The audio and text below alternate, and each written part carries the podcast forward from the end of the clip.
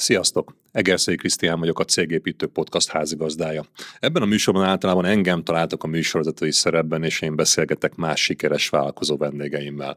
Ezúttal azonban fordul a kocka, és elhoztunk nektek egy olyan interjút, amiben én meséltem a saját cégépítői tapasztalataimról.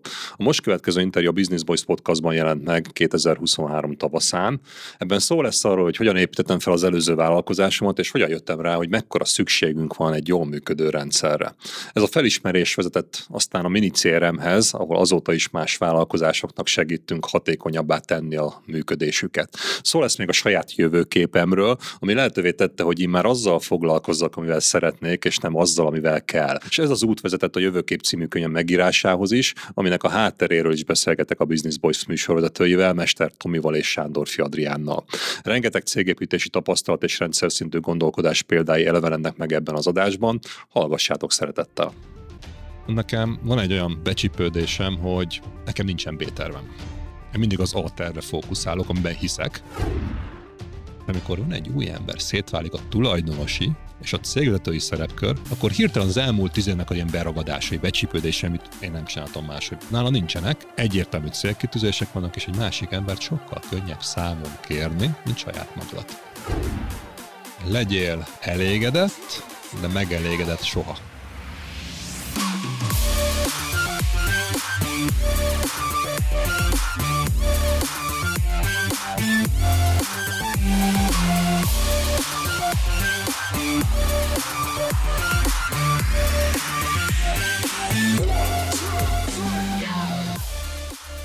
Sziasztok, kedves hallgatóink! Ez itt egy újabb Business Boys Podcast epizód. Itt ülök Mester Tomival, a nagyszerű Mester Tomival, és Egerszegi Krisztián a vendégünk. Szia, Krisztián! Sziasztok, üdvözlök mindenkit! Krisztián a Mini CRM szoftver tulajdonosa, a Cégépítők Podcastnek az arca, hangja, lelke egy személyben, illetve a Jövőkép című könyvnek a szerzője, és itt van velünk ez a remek könyv. Tényleg remek, én olvastam amúgy, és a Cégépítők podcastet is rengeteget hallgatom, úgyhogy igazából van egy pár jó üzleti podcast, még a Business Boys-on kívül is, de a cégépítők nekem mindig az, amihez tényleg úgy nyúlok. Ez az a podcast, amit tovább szoktam küldeni a társ alapító cégvezető társamnak, a Daninak, hogy na ezt meg kell hallgatni, azt is meg kell hallgatni. Hihetetlen inspiráció nekem a cégépítők podcast, úgyhogy ezúton is köszi. És kiegészíteném azzal, hogy én a nemrég két és fél órás autóút előtt beposztoltam a BB csoportba, hogy mit hallgassak, és mondjuk jött 20 komment, abból legalább 10 vagy de több mint a fele a cégépítőket ajánlotta.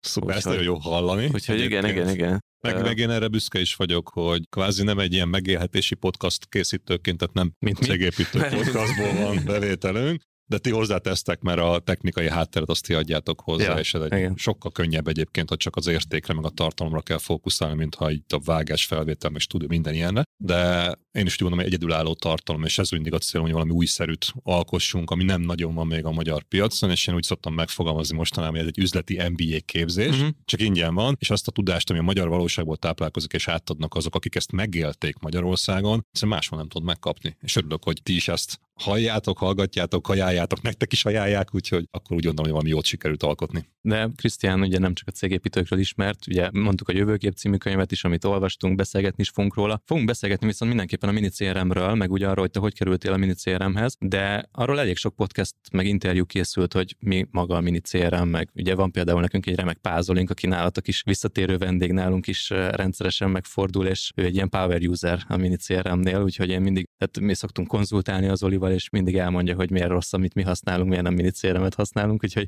Ezt hallani, igen szívemet simogatja mindig. De hogy valójában a cégépítők podcast vendégeinél is látom, hogy mennyi olyan rendszer szemléletű vállalkozó van, akinek egyrészt a szemléletmódja is illik ehhez, de a mini CRM is segíti őt, hogy, hogy legyen ez a szemléletmódja. Kicsit elmondod nekem, hogy mi az a mini CRM úgy általában, hogy aki most ebből csak a minit meg a CRM-et ismeri külön-külön, de nem tudván, hogy Vagy mi a az CRM-et egész. sem. Igen, hát pláne sokan vannak, akik a CRM-et sem ismerik, például a Jövőkép című könyvben van ilyen kollega, azt hiszem, aki nem tudta, hogy mi az a CRM. Péter. Péter? Ez a kulisszatitkokat fárultok el. Igen, igen, ez egy jó kérdés egyébként, hogy eh, most akkor indul az óra, hogy most egy másfél órás speechet mondjak, vagy csak tényleg egy percbe. Szerintem, nem szerintem, egyszerű. Szerintem a- aki, aki ismeri a cégépítőket, és most már egyre többen vannak, több tízezeren talán, akik most már ismerik, ők tudják, de azért a többieknek is egy kicsit mesélj.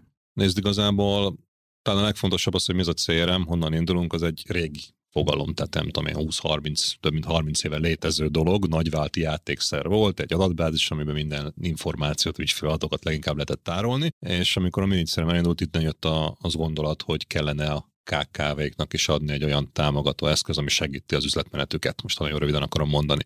És a CRM-nek az volt az egyik legnagyobb baj, hogy egy statikus adatbázis szokott lenni, aminek a végén egy Excel tábla lesz, ugye a nagyvállalatoknál nagyjából ezeket lehetett látni, és nekünk az volt a koncepciónk, hogy egy feladatvezérelt dolgot alkossunk, mert én abban hiszek, hogy ha csinálunk valamit, annak lesz eredménye. Ha vannak statikus listáink, adatbázisaink, abból, abból semmi nem történik, csak nő az a papírkupac, vagy virtuális papírkupac a számítógépeden, amivel nem fogsz semmit kezdeni. És a mini CRM az így indult kvázi egy ügyfélkezelő rendszer, amiben benne vannak az ügyfeleid, kivel mikor mit kell csinálni, és legyen eredményesebb az értékesítésed, ne felejtsd el, ha kiadtál egy ajánlatot, meg ha valakivel valamit beszélni kell. Ilyen nagyon szögetszerű az alap, ha egyszerűen akarom megfogalmazni. A legdurvább egyébként, hogy mondjuk tíz évvel ezelőtt is ez volt az egyik legfontosabb oka annak, hogy valaki rendszert akar vezetni, ajánlatok után követése, és még ma is. Oké, hogy fejlődünk, változunk, de alapvető problémákat azért érzek. És akkor, hogy a cég, a mini CRM, mint maga cég is fejlődött, ugye mi vagyunk az egyik hát mondjuk az az első felhasználó, és az egyik legjobb vagy legnagyobb felhasználó, és vannak sok ilyen, mint például az Ápázol, akit említette, aki tényleg ilyen feketőves szinten használja a rendszert, és mi is a minicéremben élünk, nem lennénk hitelesek, és hogy a cégünk fejlődött, úgy fejlődött a szoftver is. Tehát, hogy lett benne ügyfélszolgálat, amikor egyre több ügyfelünk lett, és akkor ugye kell velük valamit kezelni, és át lehessen tekinteni. Akkor a elektronikus számlázás volt már régen is, de amikor megfelelő mennyiségű számlát, akkor lett benne elektronikus számlázó. Tartottunk rendezvényeket, lett benne rendezvény szervezés kezelésére szolgáló modul. Aztán elkezdtünk embereket fölvenni, akkor lett benne HR modul, hogy egy HR folyamatot is tudjunk benne vezetni. Aztán a egyik legnagyobb szerintem dolog az, hogy egy projektmenedzsment is belekerült, ami nem az ügyfelekhez kötődő vagy velük kapcsolatos feladatokról szól, hanem azt, hogy milyen fejlesztési feladatok, projektek, ügyfélhez nem kötő dolgok is rengeteg van a cégben, az is belekerült. Aztán amikor rájöttünk, hogy a beépített riportok, vagy pedig ilyen Google Sheet-re kirakott riportok kevesek, akkor lett egy BI tool minicszerűen az integrálva, ami bármilyen szintű riportot látsz, ami tényleg azonnal át tudod látni a céget. És akkor így fejlődött a rendszer, és már azt mondanám, hogy az üzleti folyamatok menedzselésére szolgáló megoldás a mini CRM, nem csak egy klasszikus CRM rendszer, de az elején tényleg miniként indult, viszont én a minit azt úgy folytom, hogy minimális ráfordítása lesz egy működő rendszered, mert szerintem abban egyetértünk, hogy szerintem mindenki egy kicsit, mint én, türelmetlen, és nem majd fél év, meg egy év múlva akarja az eredményét, ha valami belerakja a munkát, hanem tényleg gyorsan, és a minicszerűen olyan, hogy az első hónap végére ez működik. Eredmény termel. Tehát nem csak lesz valamilyen kipróbálandó cuccod. És ez az, ami nagyjából így meghatároz, hogy miért mini, a mini CRM, és ma már maromi nehéz lenne, meg drága lenne, mert nagyon jól ismert és beártott brand a minicérem ezt megcserélni. Na pont ezt akartam kérdezni, hogy azért érzem azt, hogy ez már egy kicsit szűk keretrendszernek. A névben, a név, igen. Igen, a, a mini is szűk, szerintem meg már a CRM is egy kicsit szűk, mert hogy itt most már gyakorlatilag... Mit rövidített CRM? Customer Relationship Management, ilyen ügyfélkapcsolatok management. Aha. Két, Tökéletes megfejtés. Szóval képzeld, én voltam CRM vezető. Na, egy, egészen, egy egészen nagy FMCG cégnél, úgyhogy, Na, úgyhogy vágom ezt, és nem tudom, közel két milliós adatbázison dolgoztunk, és blokkokra szánt, szegmentált akciókat gyártottunk, meg hűségkártyával összekötve. Szóval van, van hátterem ebben, de hogy valójában ez is akartam kérdezni, hogy, hogy kicsit beszűkülte nektek ez a, ez a brand, mert hogy valójában talán mondhatjuk azt, hogy ez már egy vállalatirányítási rendszerrel ér fel. Így van, vannak, azt nem azt mondom, hogy mindenkinek, mert mondjuk ilyen nagyon speciális ilyen anyaggazdaság, meg gyártásvezérlés, tehát ami klasszikus ilyen RP rendszereknek része lehet, az nincs a minicéremben, de akinek nincsen ilyen, és viszonylag kevés cég van abból a nem tudom én 500 ezer környéki működő cég Magyarországon, akinek ilyenje van, vagy ilyenre van igénye, nekik tud lenni egy teljes vállalatirányítási rendszer is egyébként a minicérem. Tehát akkor nem gondolkoztak egyébként rebrandingen? Hát figyelj, volt egy nagyon nagy felismerésem, hogy és ugye van 2000 ügyfelünk, és rengetegnek segítünk, és rengeteg visszajelzést kaptunk, hogy mit adtunk nekik. És rájöttünk, hogy nem egy CRM szoftvert árulunk igazából, hanem cégépítést. És innentől kezdve, egy kicsit itt spoilerezzünk, majd erről beszélünk, de mondtad, megszületett a Cégépítők podcast, de az igazából egy kicsit túlnőtt azon a podcaston, és rájöttünk, hogy mi cégépítést árulunk. És igazából ebben tudunk segíteni a ügyfeleinknek, partnereinknek, és ezért született az, hogy nem mini CRM helyett lesz mondjuk egy maxi valami, hanem nem lett egy cégépítők. És ez egy olyan ernyő brand márka, ami a mini CRM mellett vagy köré épült, ami sokkal nagyobb réteget el tud érni, mert egyébként rengetegen vannak, hogy tudjuk, mi ez a CRM, engem nem érdekel. Nem, nem így van. Tehát, hogy most elbeszéltük, ugye a mini CRM sem csak egy klasszik CRM megoldás, hanem jóval több, és igazából a cégépítés viszont mindenkit érdekel, és nincs ilyen beszűkítés, hogy jó, jó, jó, azt hagyjuk. Nagyjából ez lehetett nekünk ez a rebrandingünk, vagy kapcsolódó brand. Ez egy jó kérdés, ezt majd a marketing szakemberek majd megfejtik. Bízom benne, hogy eljutunk oda egyszer, hogy elemezni fogják ezt a dolgot, de nekünk ez volt az a stratégiánk, és, és úgy gondolom, hogy legalábbis a visszajelzések alapján működik. Mm. Ezek gyakorlatilag a cégépítők lesz egy ernyő márka, ami alá most behúztátok végül is a mini CRM-et, mint egy szoftver szintű megoldást. Bekerült maga a podcast, ami egy fogyasztható mini MBA kurzus valójában. Bejött a Jövőkép című könyv, mint egy önálló pillér termék ezen a branden belül. Lesz más is a cégépítők alatt? Igen, egy jó kérdés egyébként, hogy már most ernyő brende. Én azt mondom, jelenleg a cégépítők a minicérem mellett tőle függetlenül működik. Nagyon fontos, hogy minicérem finanszírozza, tehát hogy én megtehetem, és volt egy ilyen stratégiai döntés nálunk a cégben, hogy a minicérem finanszírozza, és nincs rajta bevételkényszer. Tehát nagyon fontos, hogy nem az van, hogy mi el akarunk adni a podcastban reklámhelyet, meg mindenféle megjelenést, mint nagyon sokan csinálják. Nem azért van a könyv, hogy a könyvnek az árából tömködjük be azt, hogy nem tudunk megélni CRM eladásból, szerencsére nem így van, hanem ez, ez mind mellette van. És egyébként ez egy jó kérdés, hogy a jövőben ez hogy fog így még alá fölé rendeltségi, vagy, vagy ilyen milyen szimbiózusba fog élni, ezt még, még nem tudom. Ez, ez alakul és meg fogjuk látni. És nagyon jó dolog, amire rátapintottál, hogy a cégépítők az kvázi podcastként indul, de mondhatjuk egy közösség. Vannak online workshopok, amiket én tartok, ezek is díjmentesek, a podcast is díjmentes és van mellette egy, egy jövőkép könyv, ami megint egy más csatornán keresztül próbál edukálni és olyan tudást átadni, ami én mindig törekszem arra, hogy kicsit élvezhető legyen. Tehát nem ez a száraz, nagyon szakmai, csak arról beszélünk, hogy itt a 15-ös checklist az pipa, és akkor menjél haza. Szerintem az nem működik és nem mindenkinek jó egyébként az online workshop, vagy a személyes előadás, vagy egy mini CRM demo, vagy egy könyvet elolvasni, vagy egy podcastot meghallgatni, és kell mindig találni valami új, újszerűt, és meg élvezem is. És a kérdésre a válasz az, hogy igen, lesz még, az idejévre is tervezünk még offline terméket, annyira belerendültünk, ez az első offline termékem ja, egyébként aha, életemben, aha. hogy a minicére az fönn van a felhőbe egy virtuális dolog, és nem kézzel fogható, és még, még tervezünk ilyet, ami, ami meglepő lesz, nem új dolgot találunk, hanem újszerű megközelítést csinálunk valami meglévőből. És az, ami engem így izgat, és motivál, és szeretem csinálni, és nem egy olyan, mint a könyv elején is ott van, hogy daráló, hogy az operatív cégvezetést kell csinálni, minden nap ügyfelezni, meg értékesíteni, meg problémát megoldani, meg könyvelni, meg, meg jóváhagyni, meg, meg egy csomó olyan dolog, ami, amit nem biztos, hogy szeretsz, vagy mondjuk 7-8 év után megunsz. Én legalábbis ilyen vagyok, és ilyenkor meg kell találni azt, hogy hogyan tudod ezt átadni másnak, és tehát tudja arra fókuszálni, amit, amit tényleg szeretsz csinálni, mert akkor a szenvedéllyel tudod csinálni, és eredmények azok meg talán önmagukért beszélnek. Akkor ez nem egy mini CRM pizzázó lesz, ezek nem. szerint. De én valami ilyesmire tippeltem, vagy valami közösségi tér, vagy valami mini CRM burger. Nem, nem rossz, de ott még nem ez a, szeretem a gasztrót, de mint vendég. és HR-es menü, nagyon... marketinges menü, szerintem. Hát mi egy kis hintet, egy kis hintet nem adsz? Hogy egy ki, minimális hintet nem adsz, hogy mi lesz az offline termék? Nem tudom elképzelni, az a baj. Hát figyelj, ahhoz, hogy most ne lőjem le, Aha. az valami Ugye a miniszem is egyébként egy olyan megoldás, amilyen csoportmunka támogató eszköz. Ugye egyedül vagy, akkor minek nekem rendszer, sokan ezt kérdezik, de amikor már két-három ember kommunikál egymással, akkor vannak ezek a félremenések, meg ugye 8 e-mail váltásban 12 e-mail csatolmány áttekinthetetlen káosz, de egyedül, hogy akkor is igaz ez, csak akkor az összes sapka a te fejeden van. És erre született egy ilyen kollaborációs eszköz a minicére. Ugye a könyv meg a podcast az egy ilyen egyirányú információközlés, és a online workshopok az, az megint ilyen egyirányú, csak sok emberhez tudunk szólni, és most az a koncepció, hogy vannak ilyen hipotéziseink, mint a könyvel is volt, meg más, amit így ki tudok próbálni élesbe a piacon, hogy offline, fizikai termékről beszélünk, tudjon előidézni valami olyan viszonylag rövid időre, mondjuk ilyen órás időtartamra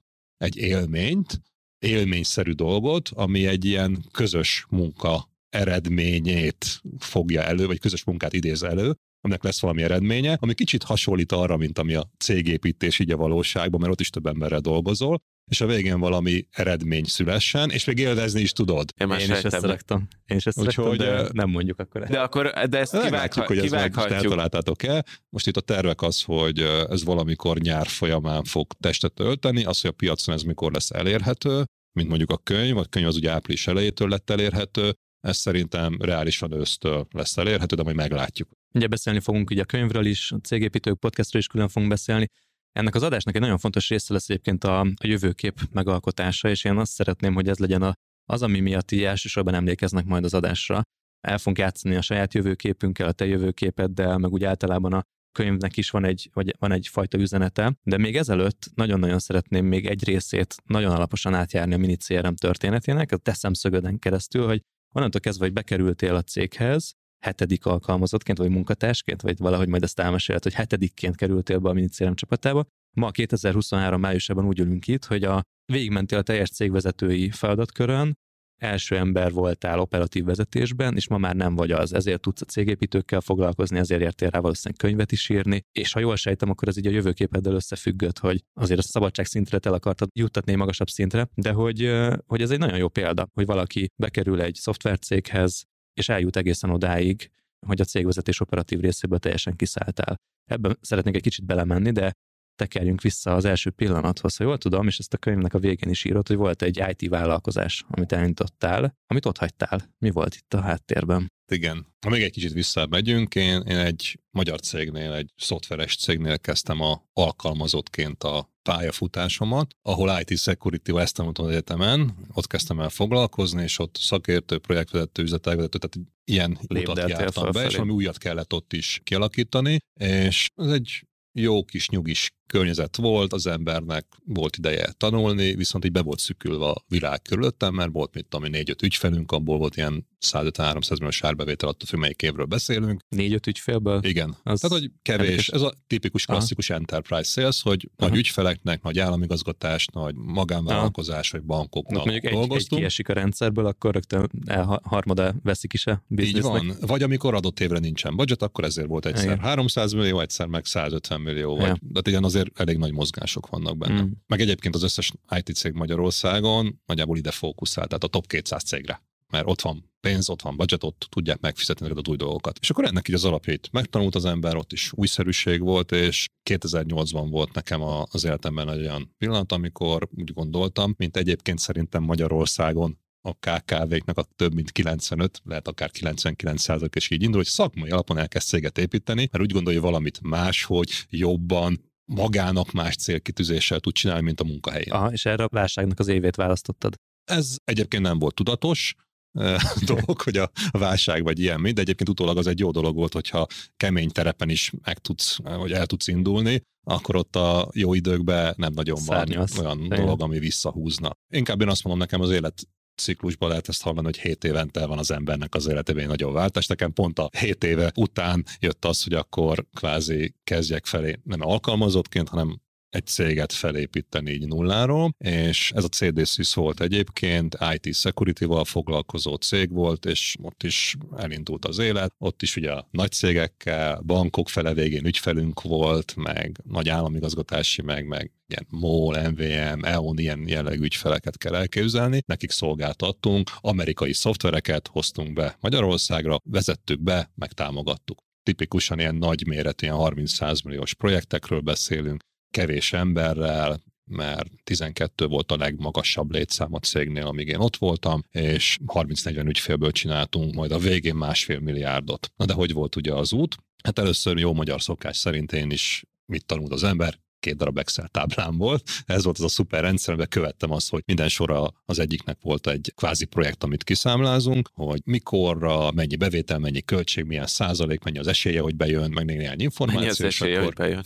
Így van. tábla volt. Pontosan, Aha, igen, egy igen, sales igen. pipeline, ha így Aha, nézzük igen, kiterítve, igen, igen, igen, és hogy ezt folyamatosan trekkeltem meg napi szinten, változtattam, hogy az összegeket, a százalékokat, meg amikor más dolgozott egy ilyen ügyön, akkor attól begyűjteni az információt, bepötyögni az Excelbe, hogy képbe legyek, és ebbe volt szuper pivot táblás riportom, ami kimondotta, hogy havi, négy éves szinten mennyi a várható bevétel, várható felezet, a súlyozottan, hogy a százalékkal súlyozza mennyi. Tehát egy elég komplex kis rendszer volt, tök jó volt, és volt egy másik Excel tábla, meg az ügyfelek, meg a leadek inkább azt mondom voltak fölrakva, és akkor mellett, hogy kivel, mikor, mit beszéltünk, és tudod, ilyen, ilyen A, Z, X, meg ilyen oszlopokig elmentél, mert pillanatok alatt elkerültél oda, és akkor hogy színeztél, hogy áttekinthető legyen. Persze nem volt az, ezt is utólag tudom, amikor benne vagy, akkor az nem tűnik fel. És jól működött, amíg három ember volt a cégnél, aki ügyfelekkel foglalkozott, viszont van egy ilyen pont, amit mindenki tud, ott van a tudatalatiában, de nem gondol, hogy vele megtörténhet. Én is így voltam, mert egy dolog biztos, hogyha több ember több excel dolgozik, előbb-utóbb hibázni fogunk. Véletlenül nem szándékosan, és nekem 2012. november vége volt a pillanat, amikor így 25 millió forint nyereség eltűnt. 450 millió volt akkor a, annak az évnek a végére az árbevételünk, az sok pénz, 25 millió nyereség. És persze a pénz megvolt, csak az Excel táblák kimutatásokból tűnt el, és minden nap le volt verziózva, ezért vissza tudtam menni, csak tíz verziót kellett visszamenni, megtaláltam a hiba okát, és nagyon kevés, ugye kevés, meg nagy méretű dolgokból egy dátum, meg egy számmező lett elírva, az okozta ezt csak ez nekem nettó 48 óráig tartott. Alvás nélkül, úgyhogy nem mentem haza, amíg ezt kiderítettem, megtaláltam, kijavítottam, újra minden változás végrehajtottam, és akkor így helyreállt a rend. Mármint ez ilyen költői túlzás, vagy szó szerint 48 óráig kerested alvás nélkül. hát ez egy olyan dolog volt, ugye van az a mondás, hogy amíg nem fáj, van is erre ilyen Székelyvic átmegy a szomszédjához, és a kutya von itt a szönyegen, miért hát szúrja, és akkor miért nem megy arra, mert nem fáj neki eléggé. És nekem is az volt, hogy egyébként így utólag jött az a felismerésem, hogy minden szuper volt. Jó volt a dolog. Olyannal foglalkoztam, hogy szeretek, újdonságot hoztam, adatszivárgás elleni védelmet, azt én hoztam be Magyarországra. Akkor még legyintettek rá, hogy ez hülyesség, ma már, mint a vírusvédelem úgy van elterjedve. Meg mekkora a... startup lennél most ezzel az ötlettel, és nem, nem tudom. Most több százmillió dolláros befektetéseket vesznek fel magyar csapatok is. Lehet, de ezt nem tudom, és igazából Persze, ez már egy múltbeli dolog volt. Is. De lényeg az volt, hogy olyan dolgot csináltam, amit szeretek. Tehát az már mindig ben volt a fejemben, és mindig valami újszerű legyen, amit így elsőként meg tudsz mutatni. Én egy versengő típus vagyok, és ez kell, mert akkor érzem magam jól. Valószínűleg a vállalkozóknak a többsége egyébként ilyen. És működgetett minden, pénz is volt, bevétel is volt, csak nem tűnt fel, és reggeltől estig dolgoztam. Ugye ez sem újdonság szerintem egy vállalkozás, és akkor reggel 8-tól este 8-ig hajtod a mókuskereket, mert kell. Mert mindenki ezt látta, meg ezt hallotta, hogy ez a szokott dolog, és nem tűnt fel, hogy mi az a idő, vagy mi az a munka, ami, ami kitölti nekem, vagy mi az a tevékenység, ami kitölti ezt a sok órát. És igazából így, amikor jött ez a felismerés, amikor nagyon fájt, akkor jöttem rá, hogy én naponta ilyen másfél-két órát csak az Excel tábláimat masszírozom. Pötyögtetek bele, írok bele, frissítek, és utána órákon keresztül kérdezem az embereket, hogy mit csinált, elmondom, hogy mit kell csinálnia, megkérdezem, hogy mit csináltál, akkor ő mindig visszakérdez, akkor nap végén megír, hogy mi történt, és utána megpötyögtetek másfél-két órát. Tehát az időmnek a több, mint a fele, az azzal telt, hogy adminisztráltam, mert én voltam a szűk keresztmetszet, az információs központ, a cég lelke, mindene, az agya, tehát ezek ilyen jó dolgok, de igazából ezek miatt voltam rabszolga. Mert én nekem kellett ott minden rajta tartottam a kezemet, és ez emiatt volt nagyon fájó, az a felismerés, amikor ez megtörtént, hogy igazából én nem ezt akarom, és a cégvezető az igazából cégrapszolgát jelent a névjegykártyámon, nem azt, aki a cégét fejleszti, és akkor így a mókus kereket hajtott, hajtott tovább. És akkor ez volt az a fájdalompont, amikor a napi, nem tudom én, több óra mellett, az volt, hogy két napig folyamatosan Excel-t kellett masszíroznom. Úgyhogy ott kellett volna lennem a toppon, mert évvége, lezárni az évet, teljesítésig, a jövő évi budgetbe betervezni, tehát akkor nem lehet hibázni, és akkor kellett ezzel megküzdenem. És akkor mondtam, hogy jó, akkor kijavítottam mindent, helyreállt a rend, szuper, még egyszer nem akarom, hogy ez előforduljon velem, és akkor kerestem valami megoldást erre, és egyébként korábban az volt, hogy a CRM-ben találkoztam, ugye a bankokban is ott van meg a nagy cégeknél CRM, sok száz kér, évekig tart, és mindenki utálja, és nem sikeres a dolog. Mondom, nekik, gyerekek, nekem se időm, se pénzem, nem kell. És én akkor találkoztam egyébként a mini CRM-mel, kipróbáltam, megnéztem, és utána kvázi egy hét alatt én be is vezettem esténként mert motivált voltam, hogy még egyszer nem akarok egy ekkora szívást az életemben, mint, mint amit itt hallottatok, és esténként megcsináltam, és igazából, mivel struktúrált Excel tábláim voltak, ezek ki kellett alakítani a rendszer, a mezőket, meg folyamatokat, ami nem volt olyan bonyolult, meg kaptam tanácsadói segítséget, most már van mini akadémia, e-learning portál, csomó videó, minden, akkor még ez csak megkaptam, és utána az egy Super excel be kellett importálni, és, és 64. importálás lett sikeres. Tehát precíznek tartom magam nagyon, de egy ilyen nagy Excel, ilyen több ezer soros Excelben ugye vannak a tipikus vesző, pontos veszőpont elírások, ó betű, nulla, ő, meg ilyenek, tehát ezek a klasszikus dolgok, és amikor egy ilyen betöltesz egy rendszerbe, akkor az kidobja, hogy oké, okay, de a 11-es, 21-es, és zzz, melyik sorban vannak hibák. Oké, okay, Excelbe vissza, ugye store no betöltés, search and replace, kicseréled ezeket. És akkor, mivel sok ilyen volt, ezek, ezért volt a 64, mert egy-kettőt megfogtam, mert mindig az ember olyan, hogy lát egy problémát, itt maga előtt van egyszerű dolog, értelmezi, oké, javítsuk ki, én is így voltam, visszavonás, kijavítom, újra betöltöm, megint kijött, hogy megint van valami probléma.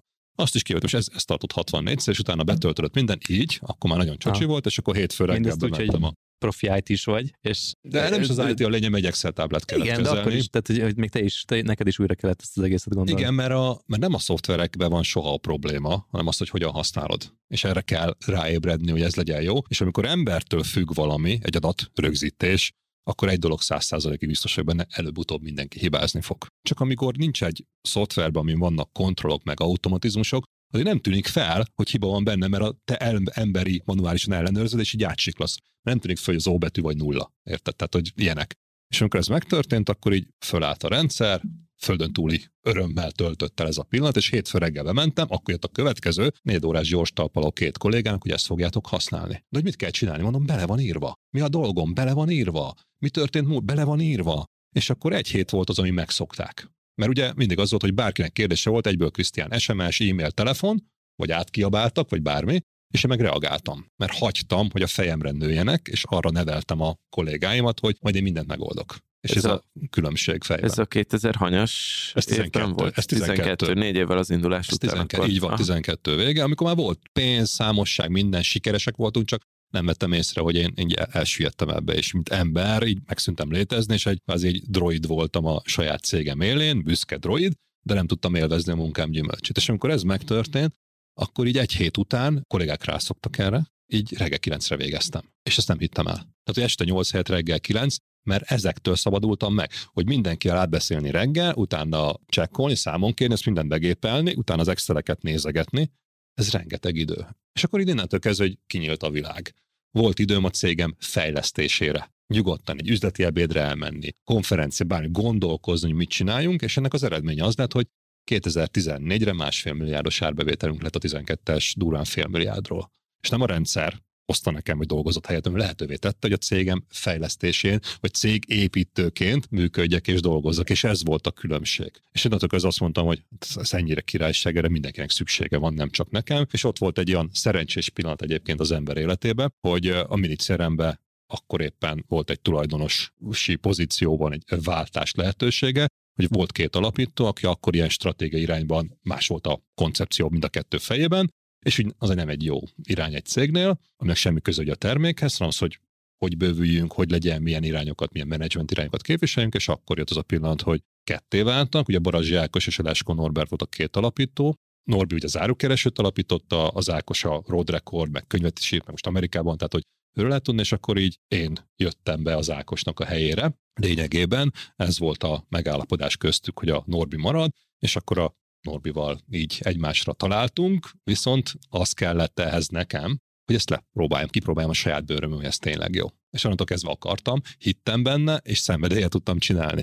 És akkor voltam én a hetedik ember, 12 végén csatlakoztam így tulajdonosként a minicéremhez, meg volt 54 milliós árbevételünk, meg, meg 170 ügyfelünk. Innen Várjál. indult a dolog. Van egy másfél milliárdos céged. Az utána lett másfél milliárd, ugye ja, a csatlakozás ja, ja. után. De, de, akkor ott neked olyan 450... Hát akkor 450, de durán fél milliárd volt akkor a, az árbevételünk, és akkor, mivel ez az egész annyira megváltozhat, az, az időt azt nem tudod, az megfizethetetlen, tudod, van ez, mert egyszerűen senki nem találta fel még az időgépet, és mondom, ez annyira segített nekem, hogy ez mindenkinek szükség van rá, és akkor egy kicsi, pici igazából egy validált cégbe szálltam be, akinek voltak ügyfelei, volt bevétele, ott volt a piacon, jó volt a terméke, saját bőrömön kipróbáltam, és még a növekedés előtt. Tehát ez az ideális pillanat egyébként, a, így minden összejött. De mégiscsak egy tízszer akkor a céged van, így van. nagyjából papíron, vagy hát akkoriban. Nyilván értem, hogy egy szoftver cégben sokkal nagyobb növekedési potenciál tud lenni hosszú távon, de hogy te akkor ott úgy döntöttél, hogy elengeded azt a céget, amit előtte építettél. Nem engedtem el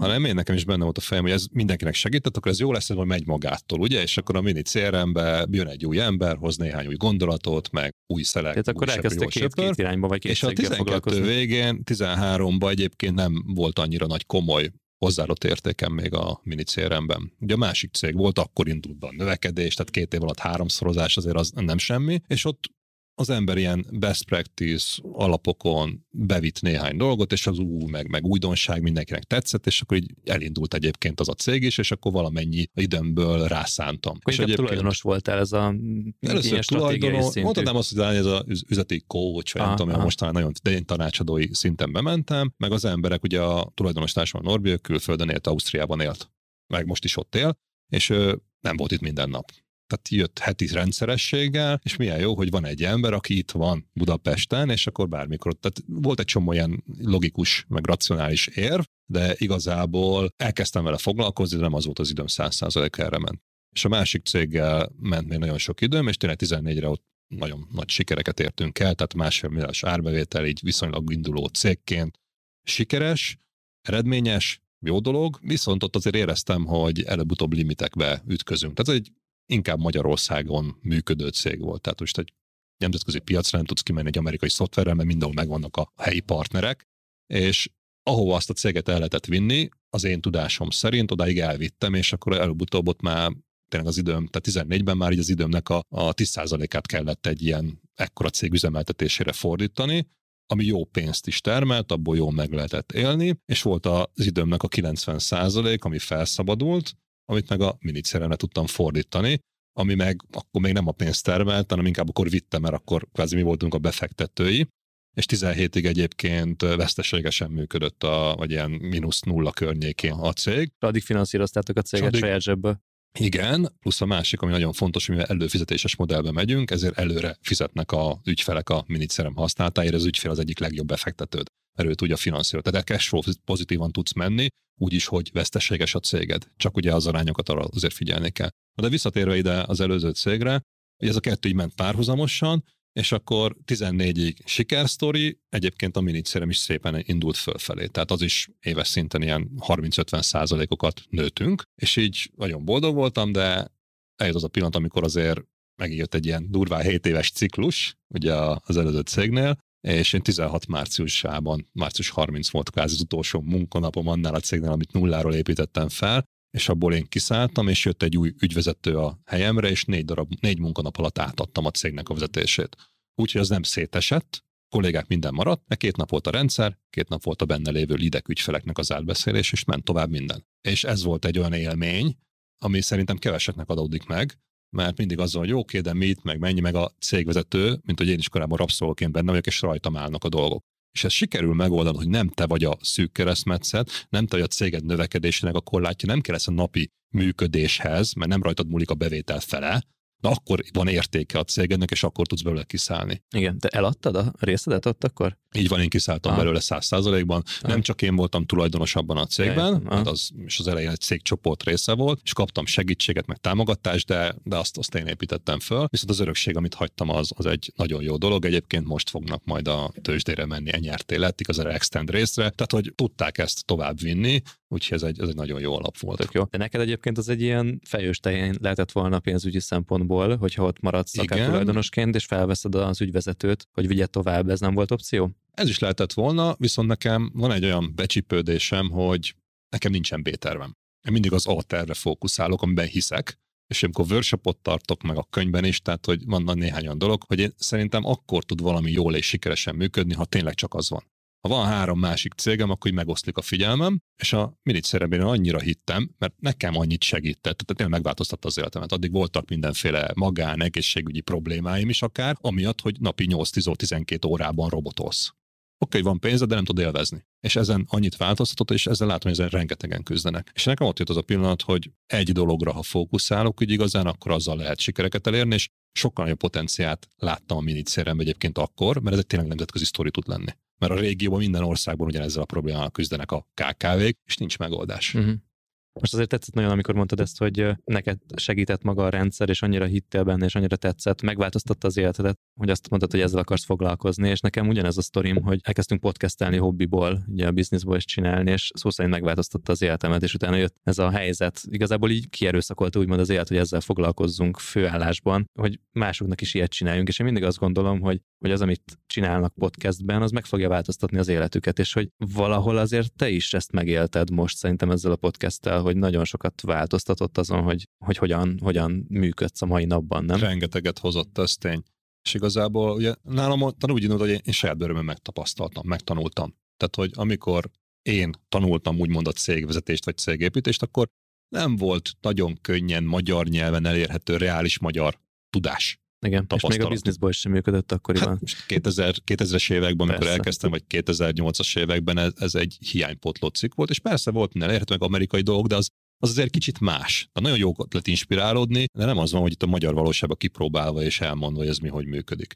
És én ezt megtanultam a saját bőrömön, minden árnyoldalával együtt és nehézségével és szívással, ami, ami lehetett belőle, de sikerült összerakni mindig bele valamit, ami, és sikerült mindig megújulni, amikor nekem is rengeteg nehézség volt, amikor elege, el, adjuk, kész, ki vagyok, kiégek, mint ezek a tipikus dolgok, ami az emberek küzdenek, Nekem az segített ebben, hogy volt egy jövőképem, hogy mit akarok elérni, ahhoz mindig jó célokat, és mindig meg tudtam újulni. És mindig valami újszerű dolgot csináltam. Engem az úgy óriásira motivál. Valamit csináltunk, már uncsi kezdett lenni, meg már mások is, meg egy oké, okay, leül, akkor mindig jött valami újdonság, ami felpörgeti az embert. És most, ha így nézzük a podcast is nekem, majd annak is elmondom a sztoriát, hogy ott is volt egy személyes kötődés, hogy engem miért pörgetett fel, de ez a cégnél is, a cégen belül is így van, és szerintem ezzel naponta nagyon sokan küzdenek, csak ha nincs mögötted egy olyan stabil alaprendszer, ami lehetővé teszi, hogy ne kelljen minden nap, nem tudom én, száz e-mailt megválaszolni, száz telefonhívást lekezelni, és még nem tudom, még száz kollégának a ügyesből dolgát intézni, akkor nem marad a megújulásra időd az élvezhető dolgok csinálására idő. És nekem ezt adta meg az, hogy egy stabil rendszerre tudtam helyezni a céget, és utána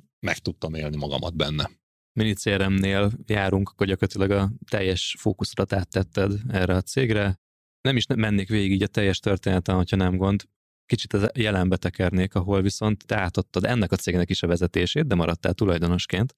Össze tudod foglalni nekem azokat a lépéseket, amiket megtettél onnantól kezdve, hogy ti eldöntöttétek azt, hogy te ki fogsz szállni az operatív vezetésből?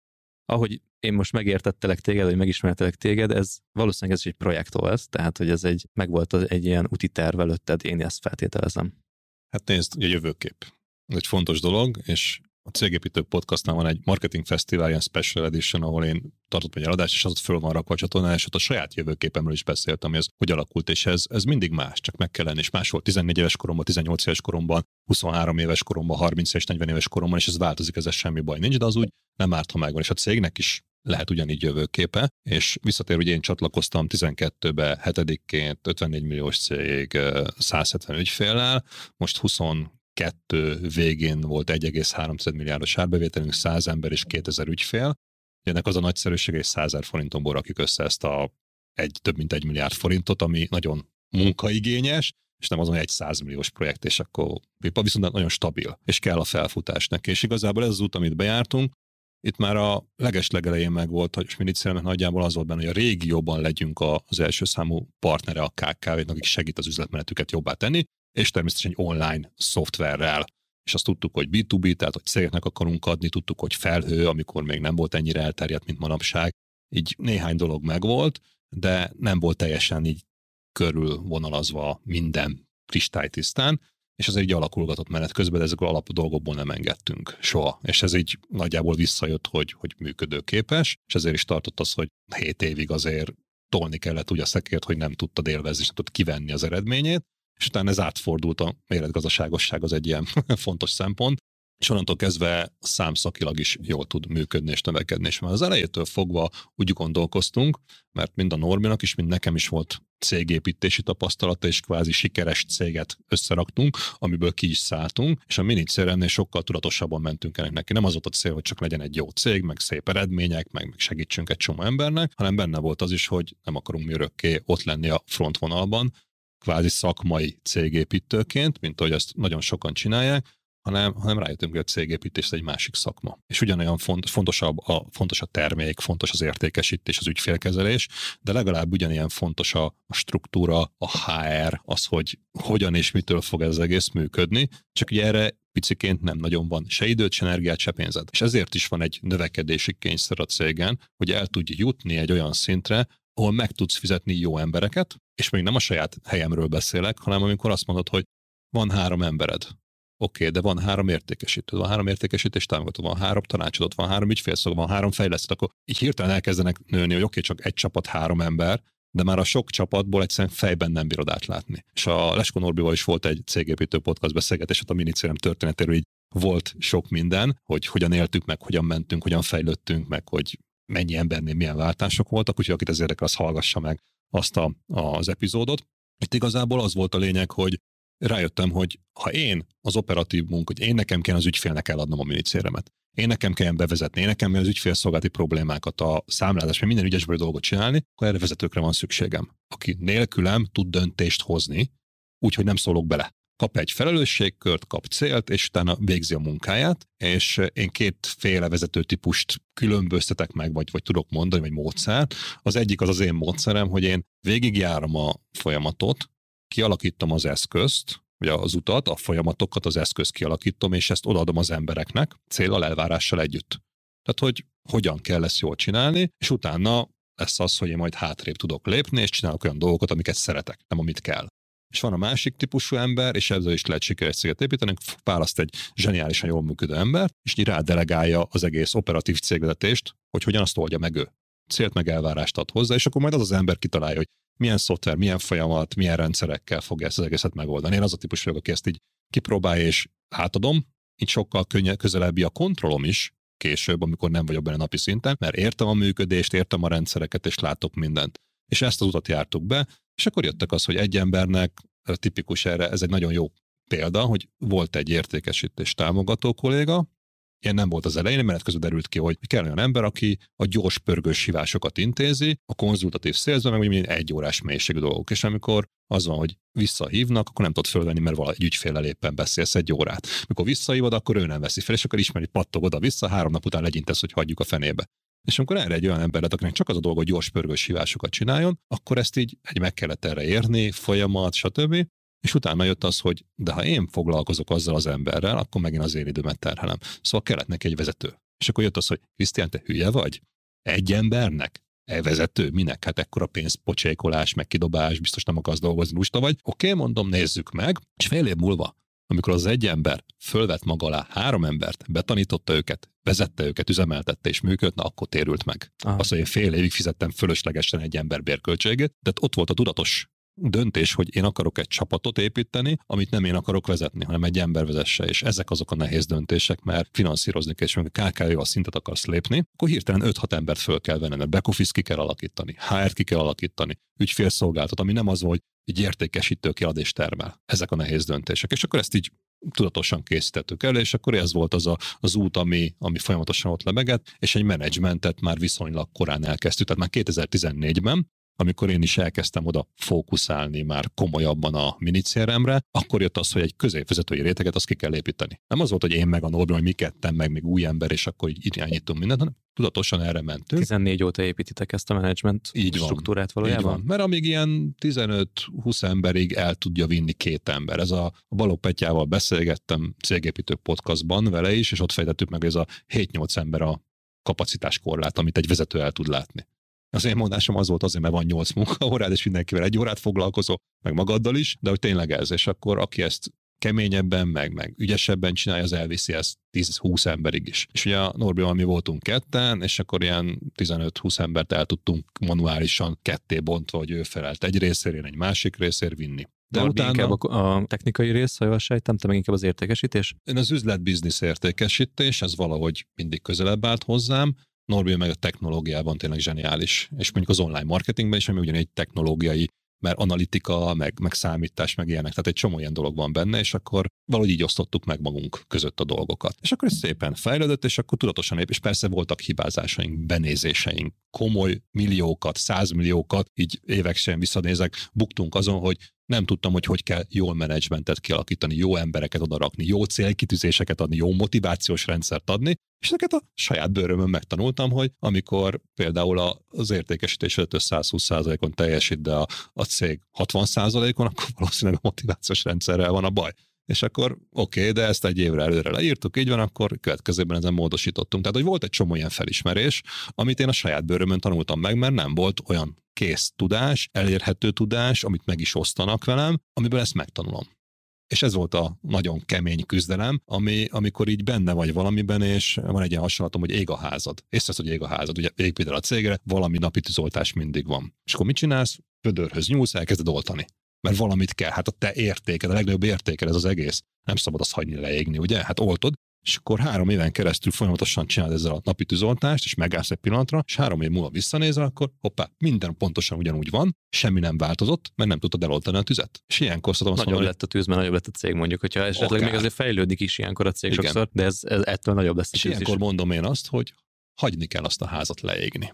Ez a legnehezebb döntés az életedbe. Tehát, hogy benne vagy, ott valami nem jól működik. Mindig könnyebb hajnali háromkor megválaszolni egy ajánlatkérő e-mailt, amivel úgyse lesz semmi, mint az, hogy leülsz, nem foglalkozol ezekkel a napi tűzoltanó dolgokkal, meg a telefonhívásokkal, meg hogy valaki kiabál valamiért, hanem azt mondod, hogy elkezded a folyamataidat újra gondolni, és a következő héten ezen dolgozol. Mert utána az minden héten nyeresség, időnyeresség lesz neked, ha tüzet oltasz, ez Sopázol is, akit idéztél, ugyanezt mondja, hogy fektes be saját magad, időt, hitelezzél időt, igen, ezt mondja, de ne a tűzoltásra. Tehát, hogy ne akkor még van tíz megválasztlan e-mail, akkor egy órával kevesebbet alszol, megválaszolod őket. Nem hanem a fejlesztés, a folyamat fejlesztésre, ami minden héten hozni fog. De mindig így gondolkozol, hogy szembe találkozol egy problémával, biztos most is találkozol problémákkal, Az mindig van. akkor az a, az első gondolat a fejedbe, hogy hogy lehetne ebből egy olyan folyamatot megcsinálni, ami nem csak ezt a problémát oldja meg, hanem a később hasonlóakat is, amik felmerülhetnek? Igen, és ugye ezzel abban segít, hogy rendszerben élünk, rendszerben gondolkozunk, az kereteket kényszerít ránk,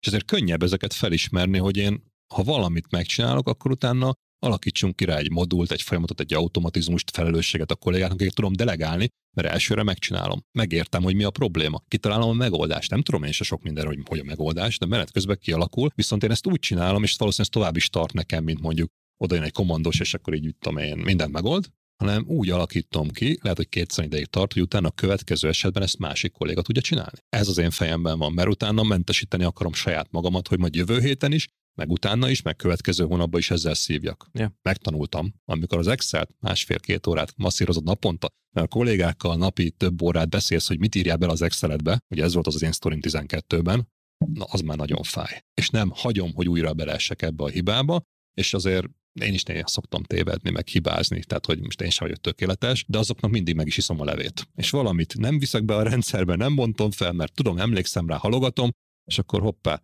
kiderül, hogy ezt benéztem és akkor azt elbuktam, és akkor azt tudni kell elengedni, nem keseregni rajta, nem megpróbálni, hagyni kell leégni azt az egy, és nem az egész cégedet döntöd romba, hanem mondjuk egy, egy ügyfelet elengedsz. Három lidet elengedsz, és nem foglalkozol vele. Egy új termékfejlesztési ötletet elengedsz, bármi ilyesmi, mert ha ezt hagyod leégni, akkor utána a ház mögött lehet egy felhőkarcoló. Hm. Ja. Olyan lehetőség, hogy fától az erdőt nem Igen. látod, ilyet Igen. szokták mondani. Ilyenkor mindig, mindig egy mini CRM folyamatként építesz meg?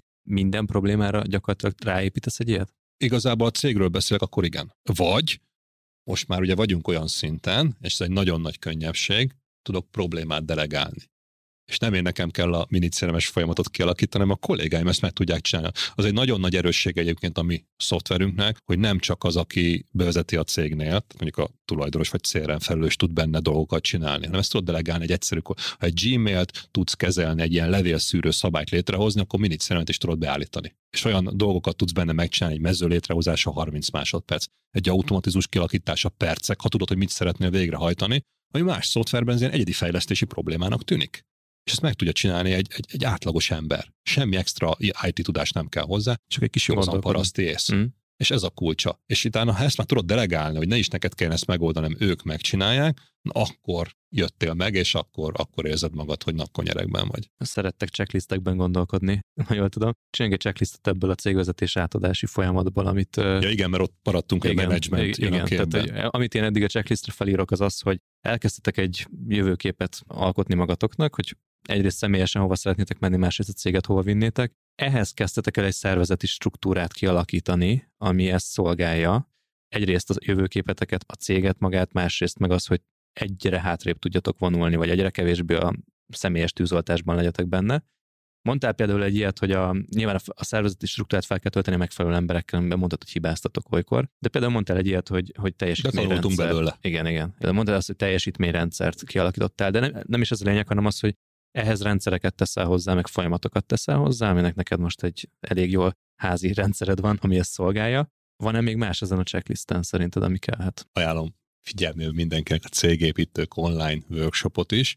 Ott elmondom, hogy én mit gondolok, mik azok az alapszabályai egy cégépítésnek, és egyébként, amit elmondtál, nagyon fontos, hogy nekem van egy feladat leltár gyakorlatom, hogy szedjük össze, hogy mit, hogyan csinálunk, és milyen dolgokat kell ráírni arra adott feladatra, ami alapján el tudod dönteni, ezt kell lecsinálni, vagy nem. Mert rengeteg olyan feladat van egyébként mindenkinek, szoktuk, megszokásban. Igen. Tök feleslegesen csináljuk. Mert nem a minden vagy abból, végig lehet játszani. és igen? utána azt minden kollégánál is meg kell csinálni, és segíteni nekik dönteni, mert a vezetőnek a felelőssége, hogy a döntésekben segítsen, ha ő nem tudja eldönteni. És a vezető mondjuk nem tudta delegálni a döntést. És ez a egyszerűen egy feladat leltár, és ennek van egy nagyon-nagyon fontos része, amit ilyen időmenedzsment tréningen szoktak ilyenekről beszélni, de azt úgy el szokott maradni, vagy nem kap kiemelt figyelmet, hogy ráért, hogy milyen szerepkörben végzed azt a feladatot.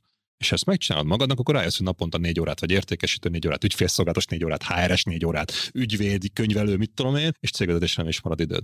Tehát ezt összegyűjtöd, és akkor kvázi mindig jöttek, hogy nincsen munkaköri leírásra sablonod?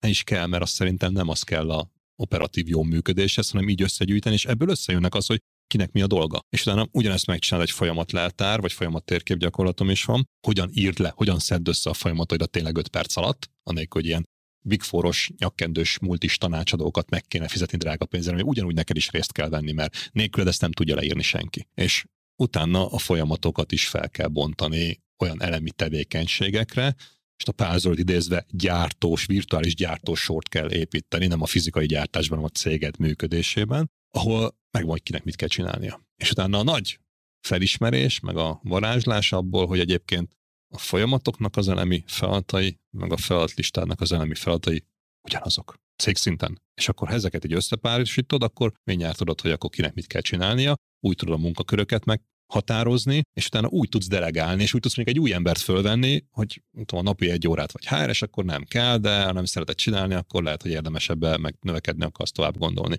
Tehát ez egy nagyon-nagyon fontos dolog, és ha checklistet nem is mondanék, én inkább ezt a gondolkodásomat amit át kell adni. És utána jön a nehézség ennek, hogy én posztitekkel szoktam el mondani, hogy ezt hogy kell csinálni. Azért, mert én egy praktikus gyerek vagyok, azt szeretem, hogy most működik, és nem kell hozzá elmenni egy egyéves képzésre, mert nem kell venni hozzá semmit. Posztit mindenkinél van, meg ceruzatoll is, meg papír. Nagyjából ez kell a gyakorlathoz, és ha elmondom, akkor utána 5 perc után működik. Tudod csinálni magadnak. És ez idő a legnagyobb kincsünk, meg a legnagyobb hiányunk is egyben, és ha ez megvan, akkor, akkor magadnak ezeket csinálni. És rájössz, hogy hol vagy elakadva, hol kell segítséget bevonni, és egyébként a nagy nehézség még, amire rájöttem az, hogy oké, okay, meg kéne csinálni, de nem cser rá időd, meg ilyen papírcetli, átláthatatlan, meg ilyesmi, és egyébként a rendszer meg abban tud segíteni, hogy valami keretet rak rád, és a minicéremnél is ugyanilyen gondolkodás van benne, és az rákényszerít, hogy ha nincs folyamatod, akkor átgondolt, hogy legyen, mert különben nincs mit belerakni a rendszerbe és ha ez megvan, akkor meg így elkezdesz minicéremben, vagy rendszerben maradjunk így élni, meg gondolkozni, és te minden új dolgot abba próbálsz beleépíteni. És ha tényleg olyan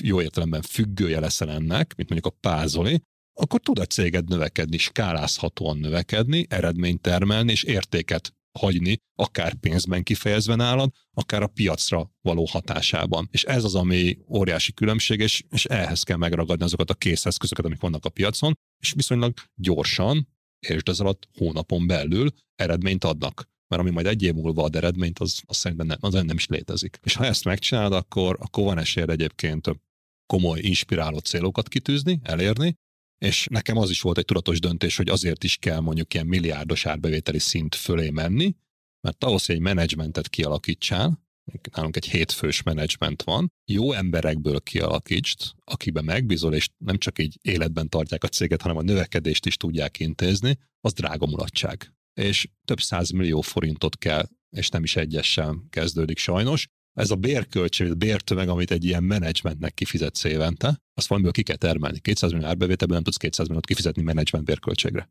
Mert ők nem közvetlen termelő munkát végeznek ráadásul. Viszont nagyon fontos, a és a legdrágább az idejük, és ezt azért is kell rendszerbe gondolkozni, ne neki kelljen mindig ismétlődő dolgokat megcsinálni. És ha ez megvan, akkor egy ilyen menedzsmentet ki tudsz alakítani, na akkor van esélyed neked átadni a cég vezetését. Hát azt mondod, hogy a szerepeket is tisztázzuk, hogy azon belül milyen feladataink vannak. Cégvezetőként nekem valószínűleg van egy értékesítő sapkám, legtöbb cégvezető utoljára teszi le ezt a sapkát magáról. Van szakmai vezetéssel, kreatív dolgokkal kapcsolatos sapkám, stb. stb. ügyfélszolgált, HR, stratégia, pénzügyes. Tehát egy csomó sapkám van nekem is cégvezetőként, aminek egy jó részét még nem tettem át másokra. Egy jó részét viszont igen, szerencsére. Szerinted van-e valami olyan fajta szabály, modell, hogy mi az a, mik azok a sapkák vagy szerepkörök, amiket először kell leadnia egy cégvezetőnek. Hogyan gondolkozzak én mondjuk erről? Most van egy olyan érzésem, hogy az értékesítési terület például ez egy nagyon jól meghatározható dolog, elég jól folyamatba tudom tenni, de az én fejemben van a, legmélyebben be, beágyazódva. Az a jó é, hogyha mondjuk ezt teszem le utoljára, vagy mivel tudom, hogy mik a lépései, inkább tegyem ezt le először. És ezt mással is lehetne eljátszani. Jó kérdés. Ugye te szakmai alapon kezdted a cégedet építeni, ezért mindenben te vagy a legjobb, úgymond, mert te jártad végig, a, neked a legtöbb tapasztalatod. És nekem az én személyes jövőképemben volt egy nagyon erős mondás, és ez folyamatosan ott van benne, hogy én azt csináljam, amit szeretek, ne azt, amit kell. És mindenkinek vannak olyan dolgai, amit utál csinálni, de egy kényszerből csinálni. Tehát ezek az, hogy majd holnap, majd holnap, és amikor pénteken már száz van, és a határidőn, akkor megcsinálod nagy nehezen, de nem szereted. Viszont nekem volt olyan felismerésem, hogy amit én nem szeretek csinálni, azt más imádja, és meg kell találnod ezeket a dolgokat, és a feladatleltár pont ebben segít, hogy, hogy mit csinálsz napi, heti, havi, négy éves, éves eseti rendszerességgel, milyen dolgokat, abból kiesik, hogy neked hány sapkád van, napi hány órát mivel töltöz, tehát egy görbetükröt mutatsz magadnak, ami egy fájdalmas tud lenni, és abból kiderül, hogy mi az, amit nem szeretsz csinálni. És ha te az értékesítés kulcsfontosságú cégednek, és nem szereted csinálni, akkor nem kérdés, hogy elkezdesz rá egy embert keresni. Ha szereted csinálni, és ezen áll a céged, akkor ez sokkal nehezebb döntés lesz, viszont itt meg megint a jövőképettől függ, hogy mi legyen a következő célkitűzésed, mert ha szeretnél egy nagy céget, és itt a, a Matusz Balázs tudnám idézni a Cégépítő podcastból Matusz vad, óriási céget épít, top 100 leggazdagabb ember között otthon Magyarországon. Elmondta, hogy nagy céget csak rendszerrel lehet építeni, anélkül nem. Az és egy nagyon inspiráló adás, azt, azt egyik, egyik kedvencem. De nekem mindig az utolsó kedvencem, Aha. tehát ez nagyon nehéz. Az nekem de, konkrét, de nagyon konkrét ötleteket, olyanokat adott, amit már most vezetünk be. Szuper, na örülök, hogy akkor konkrét gyakorlati haszna is vannak, Abszolút, amit csinálunk. Az oktatási rendszere, meg a kvíz, a kérdések, hogy léptetnek be valakit. Zseni, na és itt zseni. ez a kulcs, amit elmondtál, hogy neked, ha megcsinálsz ezt a feladatleltárt, ugye szerepköröket, meg egy csomó mindent megvan stratégia fejedben, akkor el kell tudnod dönteni, hogy a te időd az egy nagyon értékes idő a cég számára. Mit kell csinálnod az, hogy a legnagyobb értéket teremts a cégednek? És ha ez most az, hogy behoz egy darab új ügyfelet, kiszámlázzál tíz számlát, fölvegyél egy új embert, nem tudom, ezeket a döntéseket neked kell meghozni, viszont hosszú távon is gondolkodni, ne csak abban, hogy a jövő héten, jövő hónapban mi történik, na akkor tudod eldönteni, hogy neked le kell leadnod az értékesítést. Én személy szerint azt gondolom amúgy, hogy minden olyan dolgot, amit már kitaláltam, hogy hogy működik, én azt, azt szívesen leadnám, vagy leadom, mert nekem pont az a része tetszik, amit ki kell találni, hogy hogy működjön. És akár az, hogy maga a szervezeti struktúra hogy épüljön fel, milyen emberekből álljunk össze, hogy milyen szolgáltatásaink legyenek, hogy hogyan árazzunk, hogy hogyan lesz több profit a cégben, ezeket ki kell találni, és ezt a részét nem szeretném, és nem is nagyon tudom másnak adni, de ezt egy szóval lehetne stratégiának is hívni. Az értékesítés az ebből a szempontból nem egy olyan dolog, amit nekem újra és újra ki kell találni, azt mindig ugyanúgy csinálom, vagy nagyon hasonlóan. Szuper, viszont nagyon fontos dolog, hogy előbb-utóbb szűk keresztmetszet lesz. Hát, már, már csak, most, nem, már most. Nem a cégben, csak az értékesítésben, ha belegondolsz. Mert tudod, hogy tíz ügyfelet be tudnál hozni, de te csak egyet tudsz behozni, mert nincs több időd. Tegnap volt egy olyan e-mail, hogy ráírtam egy, egy korábbi leadre a CRM rendszerünkben, hogy Mizu pár hete volt, hogy keresett, küldtem árajánlatot neki, és visszaírt, hogy úr, nagyon köszönjük, kerestél, elindultunk egy másik céggel, egy hasonló céggel, akik gyorsabban reagáltak. Legegyszerűbb visszajelzés Kettő neked. nap alatt reagáltam neki, máskor egyébként igyekszem egy napon belül reagálni. De lehet, hogy közben jött egy, nem tudom, lehet, hogy Valami vannak, hogy egész nap forgattunk mondjuk, és, és két nap alatt reagáltam. És azt mondta, hogy az nyert, aki gyorsabban reagált. Úgyhogy szűk keresztmetszet voltam egy konkrét projektben. Ez egy, ez egy nagyon fontos felismerés, és tényleg az van, hogy mit szeretnél. És a jövőképpe, én nagyon sok embertől hallom ezt, hogy önjáró cég, önműködő cég, tulajdonosként tudjak működni majd a jövőben, az igazából egy dolgot jelent, hogy az operatív darálóból te ki tudjál jönni, hogy ne neked kell mindent csinálni. És ha ez a jövőképed, és ugye Matusz Balázs újra, akkor nincs más út, csak az, hogy rendszert építsél. És nem az, hogy csak az értékesítést ad le, vagy csak az adminisztrációt, vagy a számlázás, nem. Mindent. Mert különben te beragadsz valamibe a cégedben, és nem lesz elég időd a stratégiára, a kreatív dolgokra, és ez egy óriási, ezt csak akkor tudod, ha kipróbálod, és ezt javaslom mindenkinek, nekem sikerült, jó példa vagyok erre, hogyha ezeket a dolgokat leadod, és nem kell a napi tűzoltással a mókuskerékben így tekerned minden nap, akkor a tudatalatidat nem, elkezd, nem nyomja semmi. Így kiürülnek a dolgok, amik úgy ott van, és tudod, hogy kéne csinálni, de most nem, meg majd, az nyom. És emberileg nyom agyon, nem tudod, nem tűnik fel, megszoktad, jól bírjuk a stresszt, meg ilyenek, de ha ez kiürült, és ugye reggel úgy kezd föl, hogy üresen naptárad,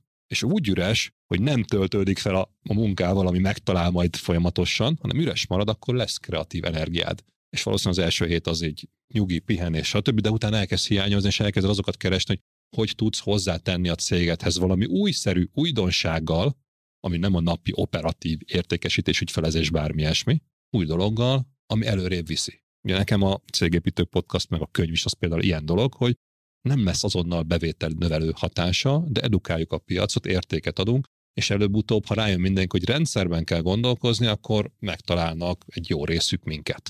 És így majd szépen vissza fog térülni, és én meg élvezem csinálni, és mivel nem pénzért, meg nem azért csinálom, mert kell, Mert valaki megmondja, hogy mit kell benne csinálnom, mit kell leírnom a könyvben, mit kell megmondanom a podcastba, mert fizetnek érte. Így azt csinálom, amit szeretek. Szenvedéllyel tudom csinálni, mert hiszek benne, és talán élvezhetően tudom csinálni, és ezért más is szereti. És még van a kapunk ilyen visszajelzés, mint amit most te is mondtál. Tehát ezért, ezért megéri csinálni valamit, és így tud ez jó lenni. De ez csak akkor fog működni, ha mindent, tudatosan mindent leadsz. És ugye nekem ott jött be az, hogy fölvettük 2022. szeptember 5-én kezdett nálunk a Rász Csaba, az új cégvezető, a minicéremnél. Egyébként az ő is egy tanulságos dolog, és nagyon sokszor megkapom azt, hogy Krisztián, neked olyan szerencsés gyerek vagy, meg szerencse fia, meg ilyenek. Én azt szoktam mondani, nem hiszek abban. Nincs olyan szerencse, és nem a szerencsét kell keresni, hanem a lehetőségekkel élni, amik adódnak. És szerintem az a szerencsé, hogy lehetőség mindig van, mindenki előtt, csak ha nem élsz vele, akkor az úgy elmegy. Ha meg élsz vele, mások azt szokták szerencsére mondani, de az kőkemény munkaterészedről. És volt a Rász Csabával is egy podcast, cégépítő podcast felvétel az árukeresős sztoriról, és azt talán márciusban vettük föl, és májusban jelent meg, ha jól emlékszem, és akkor a Csabának írtam egy kérdést valamit, hogy pont talán titulusát, hogy valamit pontosítjuk, hogy mi legyen majd a megjelenés, és mondta, hogy engedélyeztetni kell. Mondom, miért? Hát tök jókról mondtunk, semmi rossz nincs az árukeresőről, és akkor mondta, hogy hát ő eljött az árukeresőtől. Én megmondtam, hogy akkor mi lenne, ha beszélgetnénk arról, hogy nálunk folytassa tovább wow, a de ez dolgot. a podcast beszélgetés ürügyén tudtad meg ezt az infót? Márciusban volt a podcast beszélgetés, Aha. akkor még nem tudtam, és májusban, amikor kiment élesbe, Ja, ja, hogy- előtte, értem, hogy mi legyen az ő beosztás, mit írjunk ki, akkor ennyi, és akkor ez szerencse? Vagy lehetőség? Ugye ez egy jó kérdés, de azért tudtam élni ezzel a lehetőséggel, mert ott volt az én jövőképemben, a mi fejünkben, hogy én szeretnék egy független menedzsmentet majd, sőt, tavasszal már ki volt alakítva, meg volt írva a profil, amit egy fejvadásznak egy LinkedIn keresésbe, egy álláshirdetésbe ki lehet rakni. A HR dolgozott rajta, jóvá volt hagyva a mi részünkről, és csak a zöld gombot kellett volna megnyomnom május, nem tudom én, 15-én, hogy ez induljon el ez a keresés. És pont akkor jött az a lehetőség, hogy egy Csabával beszéltem, és ő azt mondta, hogy most egy ilyen helyzet van.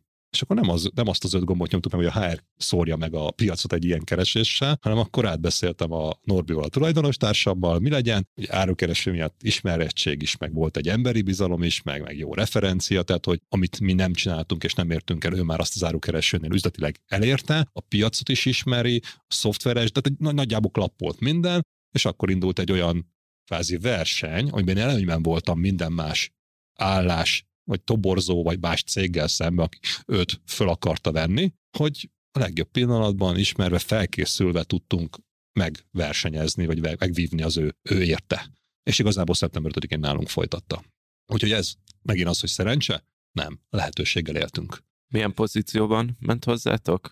Cégvezető. Cégvezető. Ő az Tehát operatív akkor egy az egyben cégvezető, a aki aláírási jogot kap, Aha. stratégiai döntésekben. Persze van némi limit, ami közgyűlés által kell meghatározott keretek között tud működni, és a 10, 22 Q4 az igazából a próba ideje, az arról szólt, azon, hogy megismerjük egymás közelebbről meg a csapatot, hogy a 2023-as üzleti tervet megcsinálja, a budgetet, P&L-t ami benne voltak a sorok, hogy mire, mennyit lehet költeni, milyen bevételi várakozások vannak egyebek, és ugye azt kell végrehajtani, és kvázi arra kap felhatalmazást egy operatív cégvet, hogy azt a budgetet végrehajtsa, és van egy bizonyos döntés így összegszerű limitje, ami nincs benne a budgetben, addig a szintig ő tud dönteni. És megvannak azok, hogy milyen esetekben kell mondjuk közgyűlés elé menni, hogy a közgyűlés döntse, hogy most lehet, most tudom én, egyszerű példa, most nálunk nem releváns, de egy irodaházat vegyünk. Ami egy komoly befektetés, ilyesmi, azt nem döntheti elő saját maga, akkor kell hozzá egy közgyűlési döntés. Ez most nálunk ez nem releváns, csak a példa, egyszerű példa kedvéért mondtam. És akkor így ez megvan, akkor kvázi január másodikán, az egy hétfői nap volt, ha jól emlékszem, akkor még volt két darab ilyen egyórás konzultáció karácsony miatt még country manager, vagy valakire, ami operatív dolgot még átbeszéltünk, és így átadtam a slusz kulcsot. Aláírási jogot kapott a cégbe, bank, online banki usert, meg jóváhagyó usert, meg bankba belethelyezve, tehát hogy odaadtad neki, és utána volt egy nagyon fontos dolog, ami nagyon sokan meg tudnak bukni, hogy a cég tulajdonos, aki cégvezető is egyben, az így beledumál a dolgokba. És így átnyúl a új vezetőknek a feje fölött, az egy hitelességét ki- kiheréli igazából az egészet, és nekem az a megoldásom, hogy akkor én öt hétre eltűntem. hogy esélyem se legyen így, Hát így így ilyet a beleszólni. könyvben, példaként, hasonló Akár, akár. Én is benne vagyok részben abban Igen, a igen, könyvben, igen. de szerintem mindenki magára tud egy kicsit ismerni. És ez volt a kulcs, hogy, hogy én elmentem, és messzire is mentem el, és, és nem foglalkoztam semmilyen operatív dologgal, és akkor visszajöttem, akkor ugye a számok azok jól álltak, és mondtak, hogy volt három ilyen komoly dolog, változás, ami ú, a, ne, ú, és így elkezdte így izzadni, hogy ú, ezt hogy oldom meg, és akkor mondták, de megoldották. Ja, és tök más, hogy, ahogy én gondoltam, aha, hogy én álltam volna neki. És nem is eszembe nem jutott volna az a megoldás, amit, amit ők hoztak, de működik. És akkor ez az a dolog, amikor egy, egy pillanatra így lefősz, tudod, hogy oh, mi lesz most, vége a világnak, és akkor így mondják, hogy de nincs ilyen, mert megoldja, és akkor így az, hogy hm, akkor így megveregetheted a vállat, hogy akkor valamit jól csináltál. És ez volt egy olyan élmény, amit oda kell adni. És akkor van persze néhány fontos kérdés. Például, amit érdemes feltenni saját magatoknak is, bárkinek, hogy tudod mennyi az árbevételed a cégednek, vállalkozásodnak.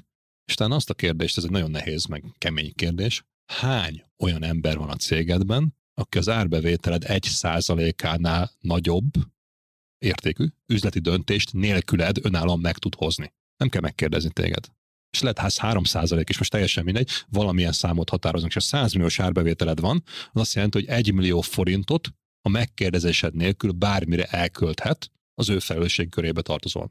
Új eszközt vagy szolgáltatást, hogy teljesen mindegy, anélkül, hogy jóváhagyást kéne tőled kapni. Ah, ah, ah. Na és ez egy nagyon nehéz kérdés, mert amíg nincs ilyen embered, vagy nagyon kevés van, addig ugye te döntesz mindenbe, mindenbe belefolysz. És ezt kell megérni rá, hogy ezt így el tud engedni. Ti ebből mekkora felelősséget adtatok át a Csabának? Száz százalékot. Tehát nálunk az, azért szólt a Q4 arról, hogy meglegyen a 2023-as terv számokkal, soronként. Mennyit költhetsz erre, arra, arra. És ugye azt kell végrehajtani, hogy erre kapott felhatalmazást, nem arról, hogy majd, majd fia, márciusban újra gondolja az egész, és tök más kezd el csinálni. Azt majd nyáron is, meg ősszel is. Tehát ez a nagyon ilyen össze-vissza improvizálunk dolog, az nincs meg, egy tudatos dolgot kell, mert ha ilyen van, akkor az közgyűlés, vagy tulajdonos, vagy managementból, teljesen egy hogy hívott, vagy igazgató tanács kinélmi, döntéshez kötött. Mert ugye én átadtam neki a sluszkulcsot felelősséget, célkitűzéssel, számonkéréssel, cél prémiummal, hogy ezt csináld meg.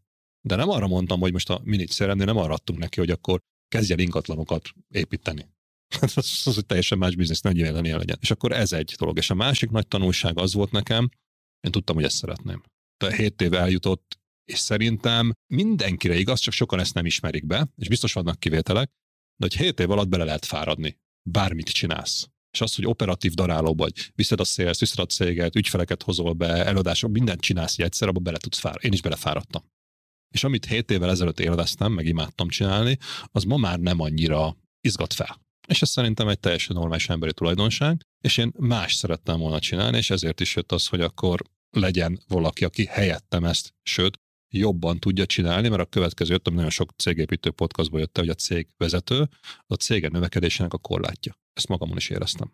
Beismerem. Tehát én is vagyok tökéletes. Elvittem már most már második céget is milliárd fölötti árbevételig, de én nem vittem el soha mondjuk 7 milliárdos szintre és, és más problémákkal kell megküzdeni, és én nagyon sok mindent a saját bőrömön tanultam meg, és erre nagyon jó, ha be tudsz hozni olyan tudást, ami ki már ezzel megküzdött máshol, és tapasztalata van. És a másik nagyon-nagyon fontos felismerésem, ami szerintem bizony sokaknak fog segíteni, és nagyon sokan így szemet hújnak fölötte, amikor te vagy a tulajdonos, és te vagy a cégvezető a cégedben, mind a kettő sapka rajtad van, ez, amit úgy eszedbe nem jutna szétszedni, meg delegálni, ugye? A szélsz, meg HR, meg, meg az oké, okay, de ezt nem.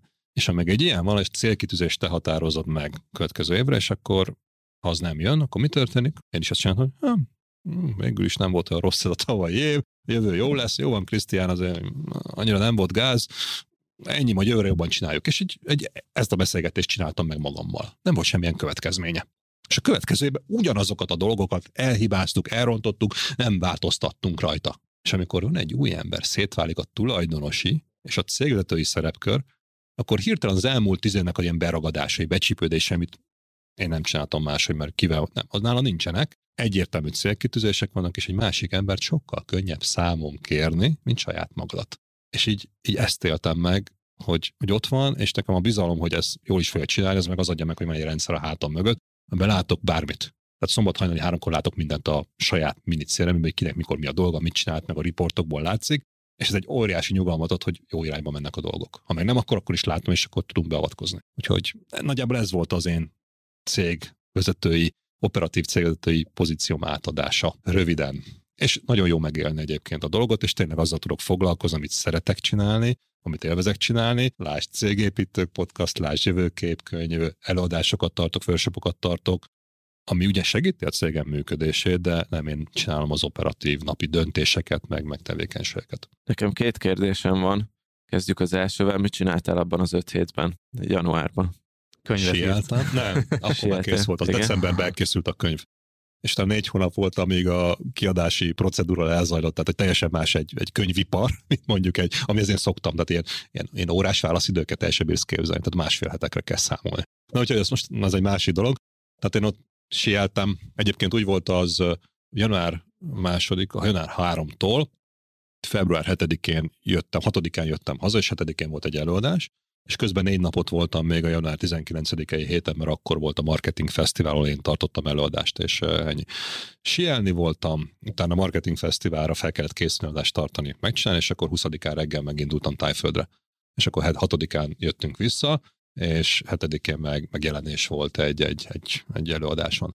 Így messzire mész el, próbálsz kikapcsolódni, és mindig úgy voltam vele, hogy á, tudod, és a könyvben is le van írva, hogy első nap így, jó, még jön pár izé e-mail lerendezed, akkor már hiányzik, meg minden, és akkor nem tudsz elszakadni a cégtől, és Na akkor ezt akartam kérdezni, igen, hogy nem volt ilyen? ott annyit kell tudni, hogy egyébként ilyen roaming meg egyebek viszonylag drága, de olcsón lehet venni SIM-kártyát, amit beraksz, és nem raktam az én telefonomba SIM-kártyát.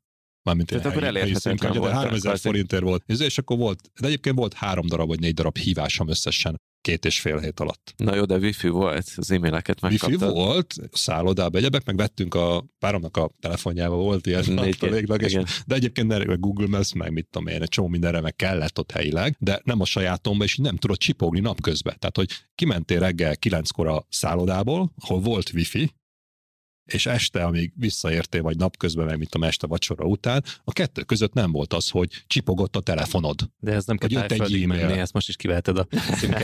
De Oké, okay, de nem fogod megcsinálni, nem persze. fogod kivenni. Persze. Senki nem fogja kivenni, tehát az biztos Persze, vagyok. persze. És a privát dolgaid is a telefonodon vannak. A saját privát dolgaid, meg amit, amit interneten nézünk mindent. És ez volt a különbség, hogy ez egy ilyen megszűrte, és akkor este meg tudtam nézni, és igazából nem voltak olyan dolgok, amiben nekem úgy éreztem, hogy bele kellett volna avatkoznom. Arra büszke vagyok, hogy a telefonom nem merül le. Egy nap, mert nem csörög annyit, nem kell annyit beszélni rajta, tehát ez egy meglepő dolog, hogy ez már régóta így van, mert tudatosan ebben az irányba és ezt csináltam, és megéltem magam, és kipróbáltam dolgokat, és így pihentem. És tényleg tudtam először az életemben úgy pihenni, egy hétig nem foglalok fejben kiürülni. Hány év után?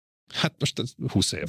Amióta cégcsőben mindig volt, hogy elmentünk külföldre nyaralni, meg ilyenek, de benne volt, hogy a cég itt volt a fejedben, a telefonodba pittyogott, fú, mi lesz, oké, okay, ezek elrontják, akkor segíteni kell, akkor ne, nélkülem ne döntsetek, tehát ez magadat korlátoztad és hoztad bele. És amikor először volt az, hogy üres a tudó listád, a teendő listád, nem nyomasztja semmit a tudatalattidat. Tudod, hogy a cég megy, mert ott van az új vezető, aki a stuszkulcsot adott és viszi tovább, és jó kezekben van, és nem kell vele foglalkozni, akkor egyszer egy elengedés, kiürülsz egy kicsit, és tele vannak ezek a szintek, de akkor meg tudod élni. És most volt először én életemben, hogy így, nagyon jó érzés tudom javasolni. És egyébként rengeteg új gondolat, meg kreatív energia szabadul fel, és jönnek, hogy mit lenne még érdemes csinálni. És mi volt a legnagyobb élmény Tájföldön, amire emlékszel?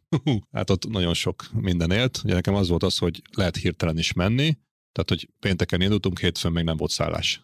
Tehát egy, egy repülőjét megvettünk, és utána egy telefonnal internet kapcsolatot mindent el lehet intézni. És nem árt azért, ha elolvasod az értékelést, nekünk volt ilyen, hogy újra kellett szervezni menet közben, mert nem egészen azt kaptuk, amit kellett, és akkor ott meg lehet az ember, hogy a pénzt odaadtál, akkor azt vissza nem kapott soha, teljesen mindegy, hogy igénybe veszed, amit kínálnak, vagy nem és akkor menet közben egy mobillal átszervezni a foglalást egyik szigetről másik szigetre, tehát nagy élmény. A bankok nekem nagyon pozitív dolog volt, ugye egy óriási város, és a felhőkarcoló mellett a nyomortelep, és ezt így kívülről látod, meg az, hogy nagyon sok mosoly van ott, tehát hogy ilyen tényleg a semmiük nincs, és, és jól érzik magukat az emberek szinte, és a másik, ami a szakmai ártalom, hogy megláttam egy csomó olyan dolgot, ami mondjuk értékesítésben milyen ilyen influence alapelvek például, hogy vannak, tehát ott rengeteg adományt gyűjtenek.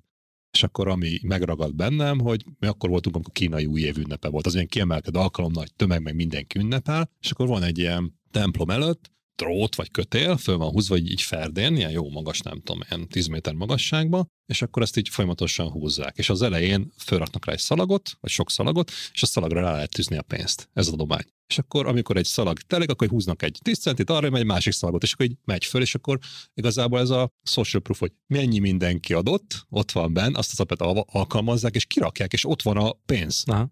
Oda mész, így leveszed. Tehát, hogy, aha, aha. hogy Magyarországon nem biztos, hogy így működne ilyen egyszerűen, de és mindenki látja, hogy adják, és oda mennek, és így rátűzik és nem veszi el senki, és így folyamatosan, és akkor nem egy persejt raknak ki.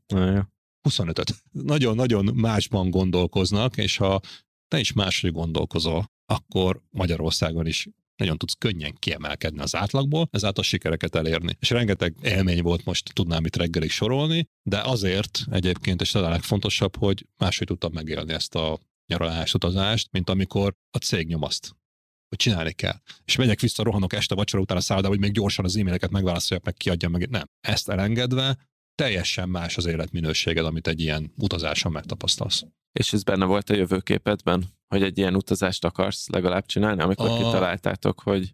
Nem, ez, ez egy annyira apró részlet, az, hogy ilyen utazás legyen. Nekem az volt benne a jövőképemben, hogy azt csinálhassam, amit szeretek, nem azt, amit kell. És innentől kezdve ha elmegyek egy nyaralásra, akkor ott ne legyen az, hogy nekem kell válaszolnom az e-mailre, kell válaszolnom a telefonra, kell egy SMS-t még írnom, kell kérdeznem, hogy megnyugodjak, hanem ezt így el tudom engedni, és tényleg, ha elefánttal akarsz, meg tigrist akarsz simogatni, akkor, akkor azt tud csinálni, vagy élő tájbox meccsen akarod megnézni azokat, hogy működik, meg mi történik így másfél méterre a szorítótól, akkor ezeket tud megélni, megcsinálni, anélkül, hogy utána előved a telefont, és a fotó helyett az e-maileket kezded nézni Igen. ezek között. Ez az óriási különbség. Ezeket fejben is meg kell érni arra, hogy ezt tud, el tud hinni, hogy ezt neked szabad. Nem akkor, amikor ez a szerepvállás megvan, hogy te háttérbe szorulsz, és csak tulajdonosként működsz, Egyébként az idei jövőkében benne van az nekem, hogy nekem tulajdonosként kell jól működnöm. Meg kell tanulnom, mert nem volt még ilyen az életemben, hogy jó tudjak működni tulajdonosként. Nem dumálni bele, segíteni, ha kell, más, hogy adni irányokat.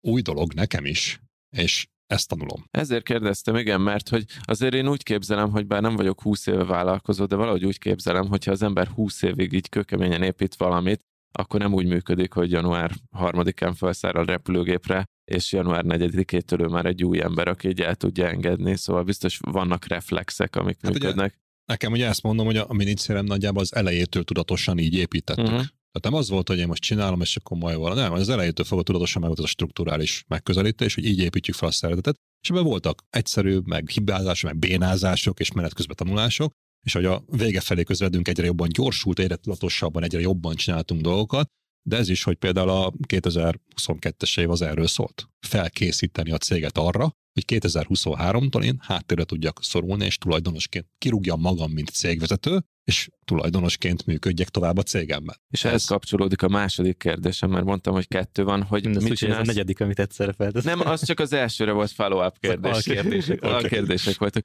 Második kérdésem az pedig az, hogy mit csinálsz most? Tehát, hogy most, hogy ezt leadtad, ugye mondtad, hogy cégépítők jövőkép megérkezett, de hogy olyan napi szinten, hogy képzeljük el azt, hogy fölkelsz, csinálsz egy limonádét magadnak, vagy a, hát ugye... a, a turmixokat, csobbansz egyet a medencében, és akkor mellé pedig bejössz néha nap. a stúdióba. Hogy, de, ilyen nap. Vezess át minket azon, hogy hogy telik a Hát nézzük, igazából napod. az első fő különbség, hogy én a naptáromból januárban töröltem a management meetingeknek a meghívó. Én is meg vagyok hívva, van napi meeting, heti meeting, mindenféle. Töröltem. Decline. Ennyi. Én ne kapjak, ne legyen benne a naptárban. Így innentől kezdve ugye csomó minden kiürült. És amikor vannak üres napjaim, akkor nincsen betem. Most például itt vagyunk ma, van egy podcast felvétel, délután megyek egy rendezvényre, Tegnap voltam vendégként egy mastermindban, múlt hét az mondjuk elég sűrű volt, mert, mert öt darab előadást tartottam vidéken, Pesten, itt ott mindenhol voltam, meg előtte lévő héten is, tehát hogy be tud ez sűrűsödni, de viszont vannak olyan napja, amiket tudatosan üresen tartok, és amikor például egy előadás van, akkor azt át kell gondolni, hogy mi legyen ott, meg felkészülni, meg, meg csomó minden kreatív dolog tud jönni. És igen, van, amikor reggel az ember csinál reggelit, megeszi, TikTokon nagyon élmény, hogy nekem is van most már fiók, hogy mondták, hogy könyvnél, meg marki, próbáljuk ki, jó, nézzük meg, és akkor például volt benne a reggeli recept, amit ott valaki ott megcsinált videóval, így ilyen tojásos, paradicsomos, tortiás, húsos, zseniális, tetszett, nézegettem, és megcsináltam. Elsőre valamilyen szintű sikert arattam, második nap az már sokkal jobb lett, majdnem olyan, mint a videón, és például ilyeneket inspirálódsz belőle, és akkor így odaállsz és megcsinálod, és utána tudod, hogy nem kell időre rohannod, hogy meeting van meg akármi, hanem ki tudod élvezni. Tudsz inni egy kávét, tudsz inni egy turmixot, ki tudsz menni a napra, tudsz kertészkedni, tudsz pakolni otthon, mert, mert ott mindig káosz van, tehát mindig van, be tudsz ülni a medencébe, vagy szaunába, vagy jacuzzi, vagy éppen hova el tudsz menni, megélni ilyen dolgokat, és erről szól a napod. Nem arról, hogy hú, még van 22 tudó, és még jön még 33 másik, amit meg kell majd olnanod. Ez így kiürült. És mivel nem távolodtam el, ezért én, és a profitábilis gondolkodásmód ott van a fejemben, én szeretek olyan dolgokat csinálni, ami visszahat a cégre. Az előadásokat is ezért csinálod, vagy azt miért csinálod? Abban nem érzel egy kicsit olyat, hogy kell csinálni? Szeretem. Tehát ahogy mondtam, amit szeretek, Aha. azt csinálom, amit Aha. kell, és eh, most az hogy alakult, nem tudom, én valahogy soha nem tanultam egyébként sem az értékesítést, így tudományosan, vagy iskolában, sem az előadást. Valahogy így zsigerből jól tud dom csinálni talán, vagy valamilyen szinten tudom csinálni, meg szeretem csinálni, és én azt csinálom, amit szeretek. Meg a cégre is van pozitív hatása. Valahogy ez így jött én nekem. 17-ben volt egyébként egy olyan évünk, amikor én száz darab előadást tartottam abban az évben százat. És tényleg volt olyan durva dolgok, meg egy heti hat vidéken, meg milyen, és akkor ott, és mellett még két műszakot lehúztam.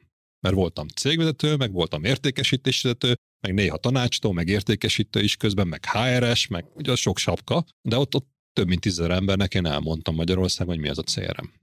Az sokat segített szerintem így ismertségben, meg, meg, meg lead mindenben, de rájöttem, hogy sok volt, és akkor 18 ez már egy lejjebb ment. És akkor ott azt tudatosan megtanultam, elgyak kipróbáltam, mit, hogyan mondjuk, tehát nem azt kiállok, és akkor mondom az ezt, tudatosabban kell, meg okosabban kell ezt csinálni, meg, meg én azt tudtam mondani, hogy én próbálok olyat csinálni, ami engem érdekel, mert ha engem nem érdekel valaki, akkor, akkor biztos, hogy téged se fog érdekelni. Ha meg engem érdekel, akkor van esély, hogy mondjuk téged is érdekeljen. Mert akkor úgy hiszek benne, szeretem, talán jobban tudom csinálni. És akkor az úgy megmaradt, valahogy ezt szeretem. És ezt nem tudok rá választani, hogy miért, és persze van neki hatása, mert lesz érdeklődő, meg emlék egy rendezőt el lehet adni könyvet, meg mit tudom én, de hogy ez így valahogy működik, és egyébként visszahat pozitívan a mini az üzleti eredményeire is. És ez így megmaradt. És ez az egy mondat volt a jövőképed, amit mondtál, hogy... Nem, de sokkal ott... több volt, és ugye a jövőképed egy olyan dolog, hogy az a saját fejedben kell lenni, és ezt nem is biztos, hogy meg kell osztanod mással, azt csak neked kell tudni tisztán. És ugye az abban segít, hogy mondjuk a következő egy évre tudj egy pontos és jó célkitűzést akár saját magadnak, privát cégednek egy adni. Egy évre csak? Te egy hosszabbra, hosszabbra nem. Aha. Tehát vannak ilyen öt éves tervek, persze. Hát de ez már a jövőképnek... 15 évre, 15 igen, de az évre egy, kérte. De azért ne, ő egy jövőképet, jövőképet. kért. Nem egy igen. konkrét célt, hogy 15, ja, értem, 14, bocs, 14 év múlva a következő egy évben konkrétan azt fogjuk megcsinálni, hogy lebontva, utána cégre, meg üzletágokra, meg emberekre, meg negyedéves bontás, meg két, hát nem, tehát a jövőképet kér. Kedves hallgatóknak mondom, hogy itt egy fiktív szeméről van szó, Gál Péterről, aki a jövőképnek a, igen, ezt elfelejtettem. A főszereplője, és egyébként ahogy beszélgettünk most így nagyon sok mindenből lejön, hogy a te életednek egy elég markáns része benne van ebben a könyvben, regényesítve. És szerintem arra jobb büszke, hogy egyébként aki elolvasta, az úgy nagyjából mindenki magára ismert benne. Hát persze, Tehát a negyede legalább róla szól. Rengeteg mindenben. Mert, mert pont, hogy élvezhető regényes formán, amit megéltem, amit megéltek a ismerősen barát, amit a 2000 ügyfél tapasztalatából, az köszön benne vissza, és ez az olyan, mint a rólad szól, vagy a szomszédról, vagy barátodról. Igen. Ezért más. A... De akkor miért egyébként ő a könyvben, a Gál Péter főszereplő, akinek egy napelemes vállalkozása van, hogy miért 15 évre rajzoljátok a könyvben, vagy rajzolod meg a könyvben ezt a jövőképet? Akkor hát ez, ez nem túl sok ez, ez a szempontból? Ez egy jó kérdés. Egyébként Aha. most miért pont 10? Ott is lehetett választani, hogy hány évre, sőt ugye ne, ne, ne lőjünk le ne poénokat, hogy még kapott ajándékban még plusz. Nem tudom. Igen, igen, igen. Figyelj, a jövőkép az, ha következő egy évről szól, vagy fél évről szól, akkor az nem jövőkép, az egy viszonylag rövid távú cél. Uh-huh. Mert egy év az egyébként olyan baromi gyorsan elmegy, hogy csak észre se veszed. Valami hosszabb távút szeretnél, mert, mert azt tud téged inspirálni. És ha az a célod egyébként, hogy az a jövőképet, hogy mit tudom, legyen 100 millió forintod, akkor azt szerintem nagyon rossz és anyagi célt tűzöl ki magadnak, akkor most idén kell 15,5 milliót összehozni, akkor most elvesztetted ezt a vállalkozásnak hívott játékot. Tehát valami olyan inspirál dolgot kell kitűzni, és nekem ez benne van, amit most megosztottam veletek, hogy azt csináljam, amit szeretek, nem amit kell. És a 14 éves, talán a Marketing Festival adásban elmondtam, emlékszem rá erre, nem száz pontosan, mert, mert édesanyám azt máshogy emlékszik rá, de ott benne volt az, hogy őt kirúgták a munkahelyéről. És akkor hazajött, elmondta, és akkor én mondtam neki, hogy én górécsával akarok lenni, hogy ne kerüljek olyan helyzetbe, hogy engem is kirúgnak. Mert az egy szarérzés. És akkor ez benne, benne volt a jövőképenben. 18 éves korodban mi volt? Egyetemre mész, és nem voltak nekem olyan körülményeim gyerekkoromban, nagyon jó, és mindent megkaptam, amit tudtak nekem adni, de nem az volt, mint mondjuk manapság, hogy itt tényleg erezd el a hajad, és a fiatalok is alájuk van rakva minden, tehát hogy ez egy kemény volt. Amikor engem hazavittek a kórházba, akkor földespadlójú házba vittek haza. És az egy elég nagy ívet jártunk be. Ott például a pénzügyi dolgok azok kőkemény, hogy legyen sok pénzem, és benne volt a jövőképbe. És 23 éves koromban benne volt az, hogy oké, okay, de csak így a pénzt hajtsuk, mert rájöttem, hogy ez nem egy jó cél, hanem ott már valami értékteremtő munkát is szerettem volna, ahol, ahol tudok, le tudok rakni a dolgokat, hogy van eredménye. Nem csak a pénz. A pénz egy ilyen, mindig egy ilyen jel. Hogy jön, jön azzal, ha jó célod van, amit élvezel és megcsinálod, akkor a pénz meg az anyagi dolgok jönni fognak. De ha azba kepesztesz, meg kapaszkodsz, akkor meg nem fog jönni. Akkor ilyen begörcsösz rajta. Mi van valakinek annyira akár pont egy ilyen hasonló gyerekkorból fakadóan annyira az ragad be, hogy pénz, pénz, pénz, hogy, hogy csak az a jó kép, hogy nem is tud igazából máshoz kötődni. Az, nem lesz sikeres. Mit mondasz Nem neki? lesz boldog. De hogy csináljon egy jó jövőképet, amit, amit viszont úgy az a követni, baj, hogy, hogy hogy a jövőképet én nem tudok neked adni, mert ah. akkor az én jövőképem lesz nem a tied. Uh-huh. És mástól nem tudod megkapni. Vannak olyan dolgok, amit tudnak benne segíteni, inspirálni. Lásd Jövőkép című könyv, lásd Cégépítő podcast. Hát ebben rengeteg olyan dolog van amúgy, amit én is így ehhez hozzátennék, hogyha nekem kéne ez, erre tanácsot adni, hogy az életnek nagyon sok más vetülete van, ami viszont végeredményben számít, és ebben a könyvben a család az egyik ilyen, meg az egészség. Az is egy fontos Ilyen- dolog. ilyen nagyon amíg, fontos amíg van, ami nem fáj elég, addig nem Igen, foglalkozol vele. igen, Ugye igen. van egy csomó ilyen mém, a koporsóba vagy a sírba viszi magával a csomó lóvét az ember, és akkor mondjuk, hogy azt úgy tedd le. mint, mint a fáraók, nem?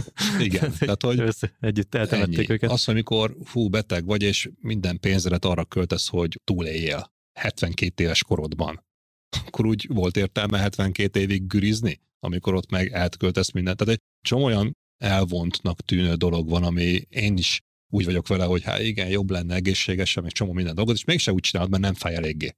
Nekem a cégnél fájt. Nagyon fájt. Ezért is jutottam oda, hogy ez megjelenjen, és ezt kell végig gondolni. És ha tényleg olyan egyszerű a jövőképet, hogy szeretnél sok pénzt, mennyi az a sok pénz? Akkor mondj egy számot. És akkor mondasz egy számot. Jó, hát akkor oké, okay, ide lerakom neked az asztalra, itt van a pénz. Akkor ugye mi van, akkor kész, meg vagy? Nem, Nem, akkor azt elköltöd, és akkor utána mész tovább. Jó. kezdesz vele valamit.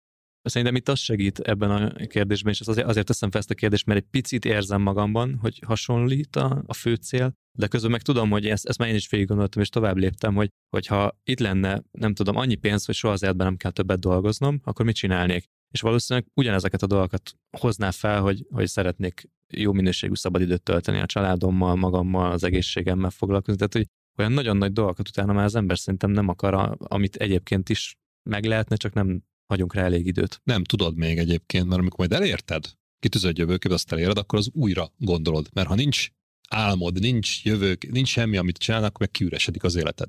És szerintem egyébként mindenkinek lesz. Csak juss el oda, hogy érd el azt a jövőképet, amit kitűztél, és akkor újra gondolod. Meg évente is újra gondolhatod. Tehát, hogy ennyi. De én úgy gondolom, hogy erőszakkal nem tudok belerakni senkinek, nem is akarok belerakni a fejébe. És ha valakinek mondjuk az a jövőkép, hogy egy, egy multinál legyen középvezető, semmi gond. Azzal is nagyon lehet jó, sikeres, boldog életet élni, de mondjuk egy sikeres vállalkozás is szeretnél, akkor ha az a jövőképed, hogy multinál akarsz dolgozni, abban nem lesz sikeres vállalkozás, az biztos. Ha a jövőképed benne, hogy legyen egy sikeres vállalkozás, van esélyed elérni. Nem jön magától, van esélyed rá. És ha egy olyan jövőképed, van, hogy önműködő, vagy ön fenntartó, nem tudom, hogy lehet ezt jól megfogalmazni, az azt jelenti, hogy tulajdonos nélkülem működik a cégem, és értéket termel. Tehát kvázi olyan, mint ha lenne egy rész, OTP részvényem. Semmi közöm az OTP-hez, vettem egy részvényt, és akkor a többet ér, meg kapok osztalékot, nélkülem működik. És a saját cégeddel is ugyanezt eléred, na az egy igazi érték, és utána el tudod dönteni, hogy mit akarsz csinálni. Lehet, hogy újra megcsinálod azt a céget, lehet, hogy mást akarsz csinálni, de valószínűleg egyébként van egy ilyen mondás, hogy mi az, amit akkor is csinálnál, ha nem fizetnének érte.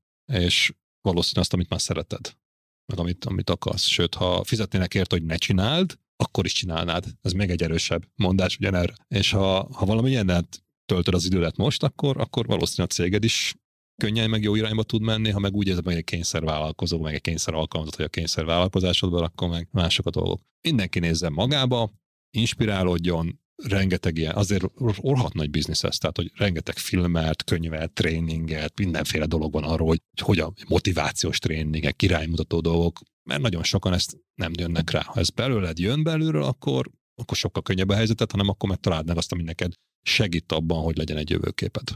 Itt a pénzes jövőképről jut még eszembe, hogy valószínűleg akinek a pénz a jövőkép, az csak nem ásott le olyan mélyre, hogy így mondtad, hogy mondjuk gyerekkori valamiből jön, hogy mondjuk nélkülözésből jön az, hogy pénzt akar, hogy legyen 300 millió forintja, hogy valójában ő nem a 300 millió forintot akarja, hanem amit az jelképez, hogy biztonság, vagy hogy oda mehess, ahova akarsz, vagy szabad legyen, független legyen, valami ilyesmi.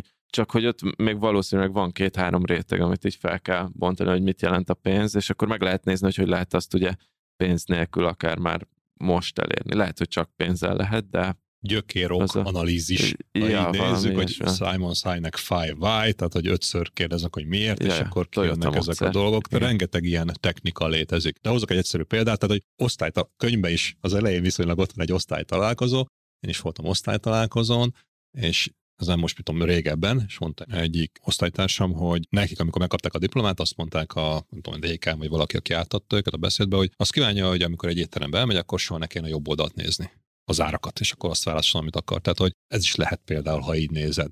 Vagy nekem is, mint amikor egyetemre jártam, kollégiumban laktam, akkor amikor egy étterembe elmentünk vacsorázni, vagy pizzát enni, tök mindegy, ez az olyan 25 éve az más volt, akkor az egy érték volt, hogy ezt megtehetem, és akkor az mindig valahogy megjutalmazta dolog, hogy valamit elérte, valamit csináltál, valami izé, susmusba meg, meg ügyeskedtél, vagy elmentél dolgozni, és kaptál pénzt, és akkor azt megünnepled, és akkor én most tegnap Alba Régia nevű műintézmény, az ott van a, a Dombóvárjuk, meg a Fehérvárút sarkánál, az ott a kolesztó volt közelebb, és akkor egy nagy örömteli dolog volt, hogy el tudtam menni, és tegnap ott ebédeltem, mert éppen volt, nem tudom, egy fél órán, amíg mentem, és akkor ott megálltam, bementem, és akkor egy tök más érzés volt, hogy most esettem egy menüt ott, tehát hogy egy visszagondolni, hogy akkor most, hogy nézek egy olyan helyre, és akkor mit jelentett, jó ezeket így megélni, és visszatekinteni, hogy ami akkor nekem benne volt például a jövőképemben, az most már így tök rutin, tehát ilyen alap, tehát nem, nem, semmit nem jelent, hogy most el tudok menni egy étterembe, és ott tudok enni egy, egy 3000 forintos menüt, vagy valami ilyesmi. De akkor más volt.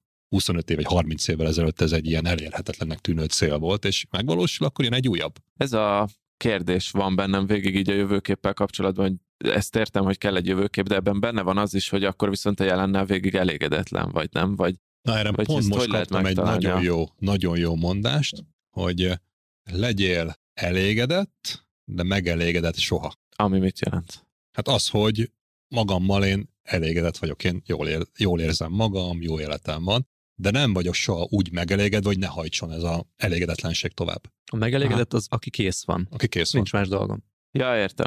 És ez elégedett meg az, Csak hogy amikor azt mondom, hogy legyél elégedett, de elégedetlen is, az egy ilyen érthetetlen megfogalmazás. Én fogalmaznám, hogy, ez... hogy aki elégedett, az úgy jól érzi magát a bőrében, és miért érzi jól magát a bőrében? Mert mondjuk nincs, nem csinál olyan dolgokat, amiket kell csinálnia, vagy nem, nincsen tele a naptárja, mint nekem most. Hogy így nincsenek benne ezek az ilyen, ilyen kis szúró dolgok, amik így döfködnek. Viszont az örök elégedetlenség az meghajt. Hogy mindig jobbat, Igen. mindig mást, mindig újabbat akarsz de ez nem azt jelenti, hogy egy ilyen nagyon rossz életed van, hogy, hogy ilyen fancsalipofával állsz egész nap, és akkor savanyú hát ábrázattal mondod, mert elégedett vagy egyébként magaddal, a helyzeteddel, de hajt továbbra az elégedetlenség, hogy még akarsz, még újat, ami motivál, ami tűzbe hoz. Tehát ezek az, ami, amiben van egy jó célod, amiben hiszel, akkor szenvedéllyel tudod csinálni cégépítés alapszabályi első hármas alapszabálya, és a harmadik meg az, hogy tudjál eladni.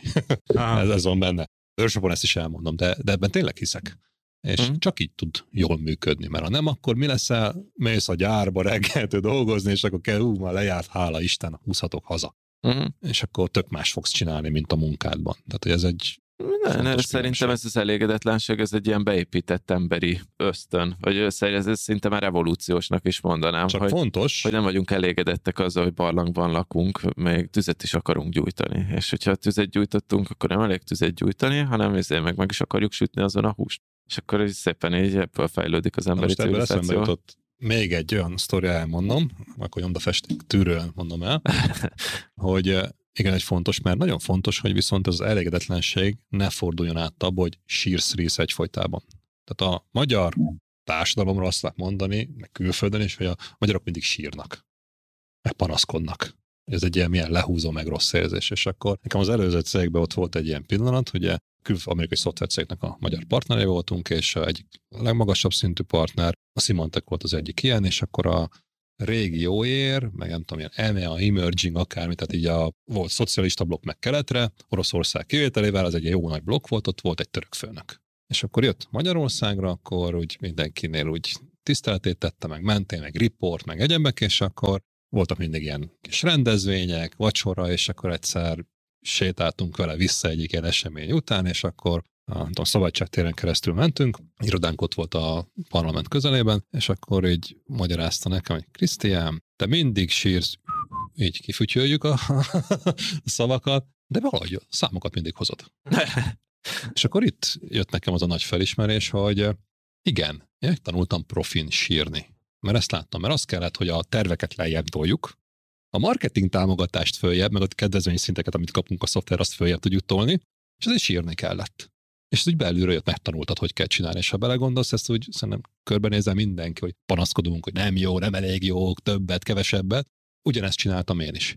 És akkor egy olyan szarérzés volt, amikor így visszagondoltam. Amikor benne vagy, észre se veszed, tehát, hogy így oltod a vödörrel a tüzet meg ilyenek, de amikor kinézel, akkor ú, ez egy nagyon rossz érzés hogy így kell élned, hogy mindig ilyen szar ideg állapotba kell hozni magadat, és mindig kuncsorogni, meg panaszkodni, azért, hogy el tud érni az eredményeket, amit visszaigazolt, hogy mindig túl teljesítettük, nem csak hoztuk. És akkor ott volt egy olyan döntés, hogy igen, ez, ez nem jó így, és például az is egy szög volt az előző cégem koporsójában, mert a mini CRM-nél itt igazából meg KKV-kra megyünk, kicsit tranzakcióértékből, de sokat csinálunk itt, ha jó a cucc, akkor fizetnek érte, ha nem, akkor nem. Hát most így lehet egyszerűsíteni, és itt nincs ilyen, hogy panaszkodok, meg oda jönnek, hogy így nem jó, meg adjál, meg izé, hívjál meg egy kávéra, amiből most izé, 100 forintos izéből most, na, tehát nincsenek értelmezhetetlen bármi, ami így fölmerülhet a nagy projekteknél, hogy vissza kell osztani, adni bármilyenek. Nem. Ez abszolút tisztán szakmai alapon működik, és nem kell sírni, hanem meg kell mutatni, edukálni kell, és büszkén, és meg kell tanulni, hogy büszkén éljél vele. És ha üzleti eredményed vannak, az büszkén viseld. És ha osztalékot veszel ki a cégedből, mert nyereséget termeltél, az büszkén fel kell vállalni másokat. Igen, azt kivetted, és meg kell élni. És ez volt egy olyan dolog, ami szerintem nagyon sok nyereség van a cégben, nem lesz, hogy alkalmazottak, majd fizetésemelést kérnek meg. Nem. Tehát, hogy vállalkozói felelősség az egy nagyon kőkemény dolog, és a könyvre, ha visszautalunk, abban is van olyan pillanat, amikor egy olyan helyzetbe kerül a vállalkozó, Gál Péter a főhősünk, amikor magánéleti problémái így begyűrűsödnek, vagy összegyűlnek, a céges problémák összegyűlnek, és ugye a vállalkozónak mindig van a saját gyereke, meg a céges gyerek, cég is egy gyereke. És akkor döntened kell, hogy a saját gyerekeddel, vagy a cégeddel, melyikkel foglalkozol, egyszerűen tudsz mind a kettővel, akkor de nehéz döntés. És akkor ott is megvolt az a belső vívódás, hogy de jó lenne, ha alkalmazott lennék, mert akkor el tudnék menni akár egy hónap fizetés nélküli szabadságra, működik a cég, meg majd utána kapok fizetést megint, és tudnék megoldani az életemet. De amíg vállalkozó vagyok, akkor a 8 óráját hirtelen 12 órát kell dolgoznom, nem tudom elengedni a cégemet, mert akkor összeomlik minden, mert azért kell úszómerence a családi házba, és azt, azt majd teljesíteni kell, mert a család elvárja, de hát akkor hogy van az, hogy csak éjfélre érek haza? És akkor ilyen küzdelmek azért ezek előfordulnak szerintem mindannyian életébe. Könyvben is vannak ilyenek, és utána ezeket hogy lehet feloldani, ezt, ezt, ezt meg kell találni. És, és nekem az van, hogy én, én nem akarok sírni. Én nem szeretnék többet sírni. Tudok profin sírni, megtanul, mindenki megtanulja valahogy. És szerintem ez egy jó érzés, amikor ezt nem kell csinálnod.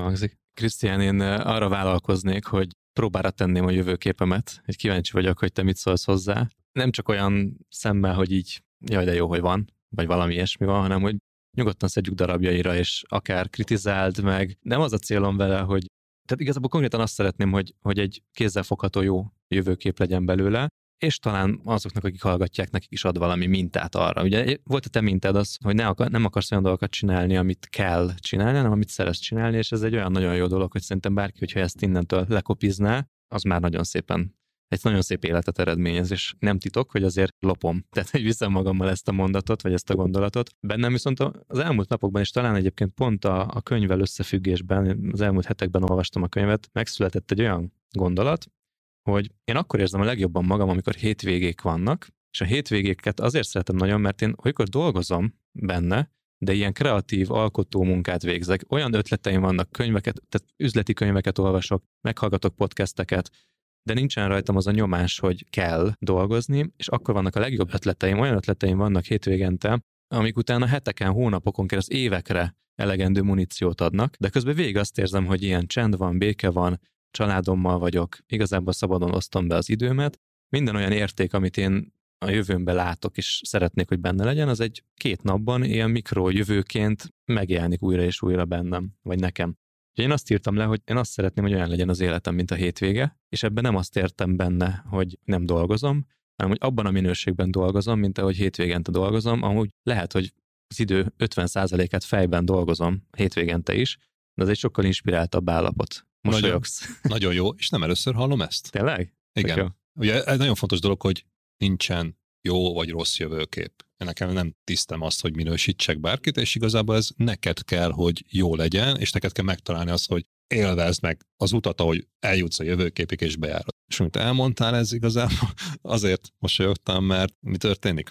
Hétközben mókuskerék, tüzet oltasz, és hétvégén, amikor mindenki otthon van és pihen, akkor csend nyugi van, és, és megjött az a élet, az a cég, az a működés, amikor senki nem zaklat téged az operatív dolgokkal, hogy ez van, az van, ez a baj, az a baj, ezt csinálj, azt csinál, hát azt tudod csinálni, amit szeretnél. És igazából, ha ebben a fordításban mondod, hogy azt szeretnéd, hogy minden napot hétvége legyen, mert hétvégén tudsz kreatívan, jól, meg élvezhetően dolgozni, akkor igazából azt szeretnéd, hogy legyen egy jól működő céged, mert nincsen napi operatív tűzoltás, mókuskerék, és ha cégben gondolkozol, nem mondjuk egy egyéni tanácsadóként, ahol ezt meg tudod csinálni, de a cégként, ami ugye termeli mondjuk a biztos megélhetés alapjait folyamatosan, akkor is, ha nem dolgozol, akkor ahhoz kell struktúra, kell emberek, kell egy jól működő cég. És innentől kezdve, ha így nézzük, akkor az én jövőképenben is volt ez, hogy legyen egy olyan cég, ami nélkül nem tud működni, nem csak működni, meg így életben maradni, hanem növekedni és fejlődni is, és utána azt csinálhassd, amit szeretsz, és igazából ebbe ez mindenkire igaz, lehet ez a jövőképbe, és ez jelentett sok mindent, mert ha te neked az a célod, életcélod, hogy mondjuk a legjobb szakmai podcast, interjú, stató, vagy alap, bárki, aki ezt csinálja, legyél, az nagyszerű, csak akkor ne kell szívnod a cégnek az operatív semmiével, hanem tudd azt csinálni, hogy lesz egy zseniális, egyébként az én jövőképem, és így nézzük, benne van a cégépítők podcast, pont ugyanezt csinálom. Én vagyok a műsorvezető, meg ötletgazda, meg, meg a tartalom generátor, és az összes operatív dolgot, amit én nem szeretek, azt delegáltam nektek. Rollcasters megcsináljátok a szervezést, a stúdiót, a vágást, feltöltitek a megfelelő helyre, és utána azt, hogy ez eljusson sok emberhez, azt meg delegáltam a marketing csapatnak, akik meg ezt promózzák hírlevélben, meg a social médián, meg mit tudom én.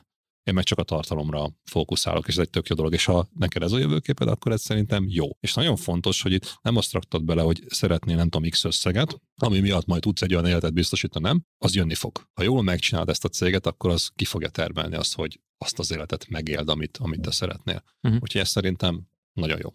Jó, köszi. Én is nagyon kapcsolódom ezzel a, ezzel a vízióval. Már csak azért is, mert nagyon tisztán érzem, hogy mi a különbség egy hétvégi inspirált állapotom között, egy pihentető állapot között, meg egy hétköznapi állapot között, és így megvan itt valahol, valahol itt a gyomrom környékén érzem ezt az érzést, hogy hogy mi a kettő között a különbség, és emiatt be tudom azonosítani majd, hogyha elértem. Még azt tudnám ehhez hozzátenni, hogy előbb itt felmerült, hogy cél meg jövőkép. Ez hogy néz ki? És azt mondom, hogy ha jövőképed megvan, akkor a jövőképből lehet egy rövid távú, lásd mondjuk egy éves célt kitűzni, magadnak, cégednek bármi, és amikor a cégednek kitűztél egy egyéves célt, ami megint egy, az enyém, hogy 100 millió forint vagy 1 milliárd forintos árbevétel, ne számszerű. Az egy mérőszámnak jó, hogy hogy haladsz a cél elérésébe, de ne ez legyen a cél. És minit célemnél lehet azt mondani, hogy az a célunk, hogy a régióban legyünk, a KKV-nek az első száműzleti partner, ami segít hatékonyabban tenni az üzletüket, automatizálni egy online szoftver segítségével. Ez egy olyan dolog, amivel tudsz azonosulni alkalmazottként, ha minicéremnél dolgozol, egy minicérem ügyfélnél is tudsz azonosulni, meg tulajdonosként is tudsz azonosulni. Ha csak kitűznéd azt, hogy egy milliárdról két milliárdos árbevételünk legyen, az ügyfél mit mond? Adja kedvezményt, ne rajtam nyerészke egy kolléga mit mond, hú, olyan sok bevétel, akkor adja fizetésemelést. Tehát nehéz vele azonosulni. És ezért fontos, hogy ez meg. És utána, ha ez megvan, akkor le tudod bontani negyedévenk etapokra, üzletáganként azt le tudod bontani akár két hetes vagy hetes ciklusokban, amit megkap egy csapat, egy ember, ami egy ilyen kézzel fogható dolog, hogy tudjam, hogy mit kell a következő egy hétben csinálnom. Ahhoz, hogy közelebb kerüljek majd a hosszú távon a jö- a, először a célhoz, aztán a jövőképemhez. Igen. Jó, amit mondtál, mert akkor ezek szerint van egy céges jövőképetek, egy céges vízió is, amihez viszont nagyon fontos, hogy elmondtad, hogy tudjanak a, a csapat minden tagja alkalmazkodni, vagy, vagy hozzá tudjon kapcsolódni. És én lehet, hogy még soha nem mondtam el így a munkatársainknak azt, hogy ami bennem mennyire fontos, hogy nekem megváltoztatta szó szerint az életemet a, az, hogy elkezdtünk podcastelni, ezt a podcastet csinálni, és én ugyanezt akarom az ügyfeleinknek is, mert én tudom azt, hogyha, hogyha ez, ez a fő cél, akkor az az ő üzleti céljaikba így belesimul, hogy egy csomó ügyfelük lesz, nem tudom, ismertebbek lesznek, szeretik majd csinálni, jó kapcsolatrendszert építenek az interjúk miatt, stb. stb. És ezek visszafejthetők már gyakorlati célokká, minél több olyan ügyfelünk legyen, aki sikeres lesz azzal, hogy podcast csatornát indít, és azt jelentse a sikert, hogy az ő üzleti célját ezáltal elérte, és feltételezzük és reméljük, hogy utána azt mondja, hogy kb. ez volt a egyik, egyik legjobb dolog, amiben beleálltam, amit elkezdtem. Most amit elmondtál, azt ugye marketingnek hívják, értékesítésnek hívják, kivitelezésnek hívják, tehát hogy ezt mondtad el, igen. és ezt most is csinálod,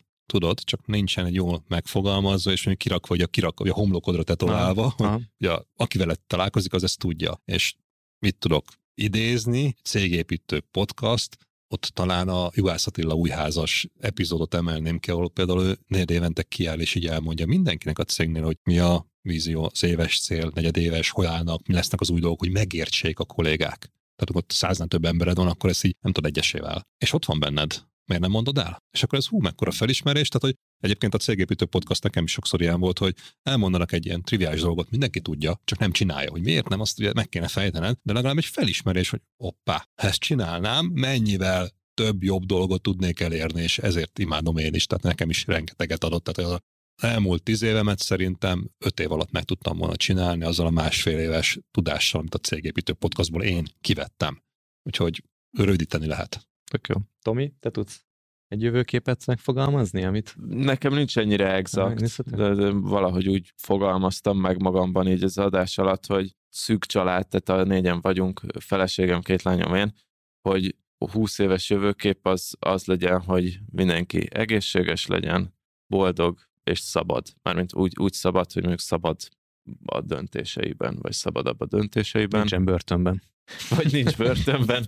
Ugye az, az egy jó, jó, jó irány lenne mindenképpen. Ezeket de ezek, kell mondani. De, de, ezek, de ezek, igen, de ezek részben megvannak most is, de nyilván az egy más élethelyzet lesz, amikor már mondjuk felnőnek a gyerekek, és akkor ja, úgyhogy, ja. úgyhogy ilyesmik járnak a fejemben, de így most nincs ennél konkrétabban megfogalmazva.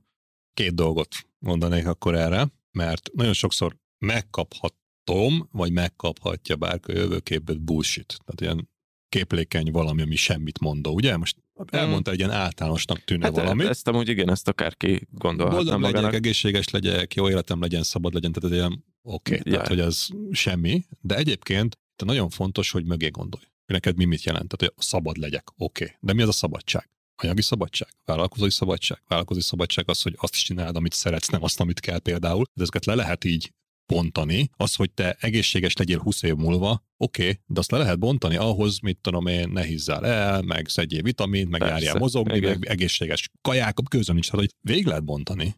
És igazából ez, amit így fejben be kell játszani, hogy ezeket az általános tűnök tűdő dolgot a saját szituációdra lefordítsd, akkor lesz tied a jövőkép. Boldogság, egészség, a függetlenség, szabadság az ugye általános mindenkire igaz, de hogy hogy lesz a sajátod, ha lefordítod, és te azt mondod, hogy ez neked azt jelenti, hogy. És akkor a másik gyakorlat, amit meg ajánlok, ez mindenre igaz egyébként, folyamattervezés projektől kezdve, de a jövőképnél is, írd le. Ami csak a te fejedben létezik, az sehol nem létezik, csak a te fejedben létezik.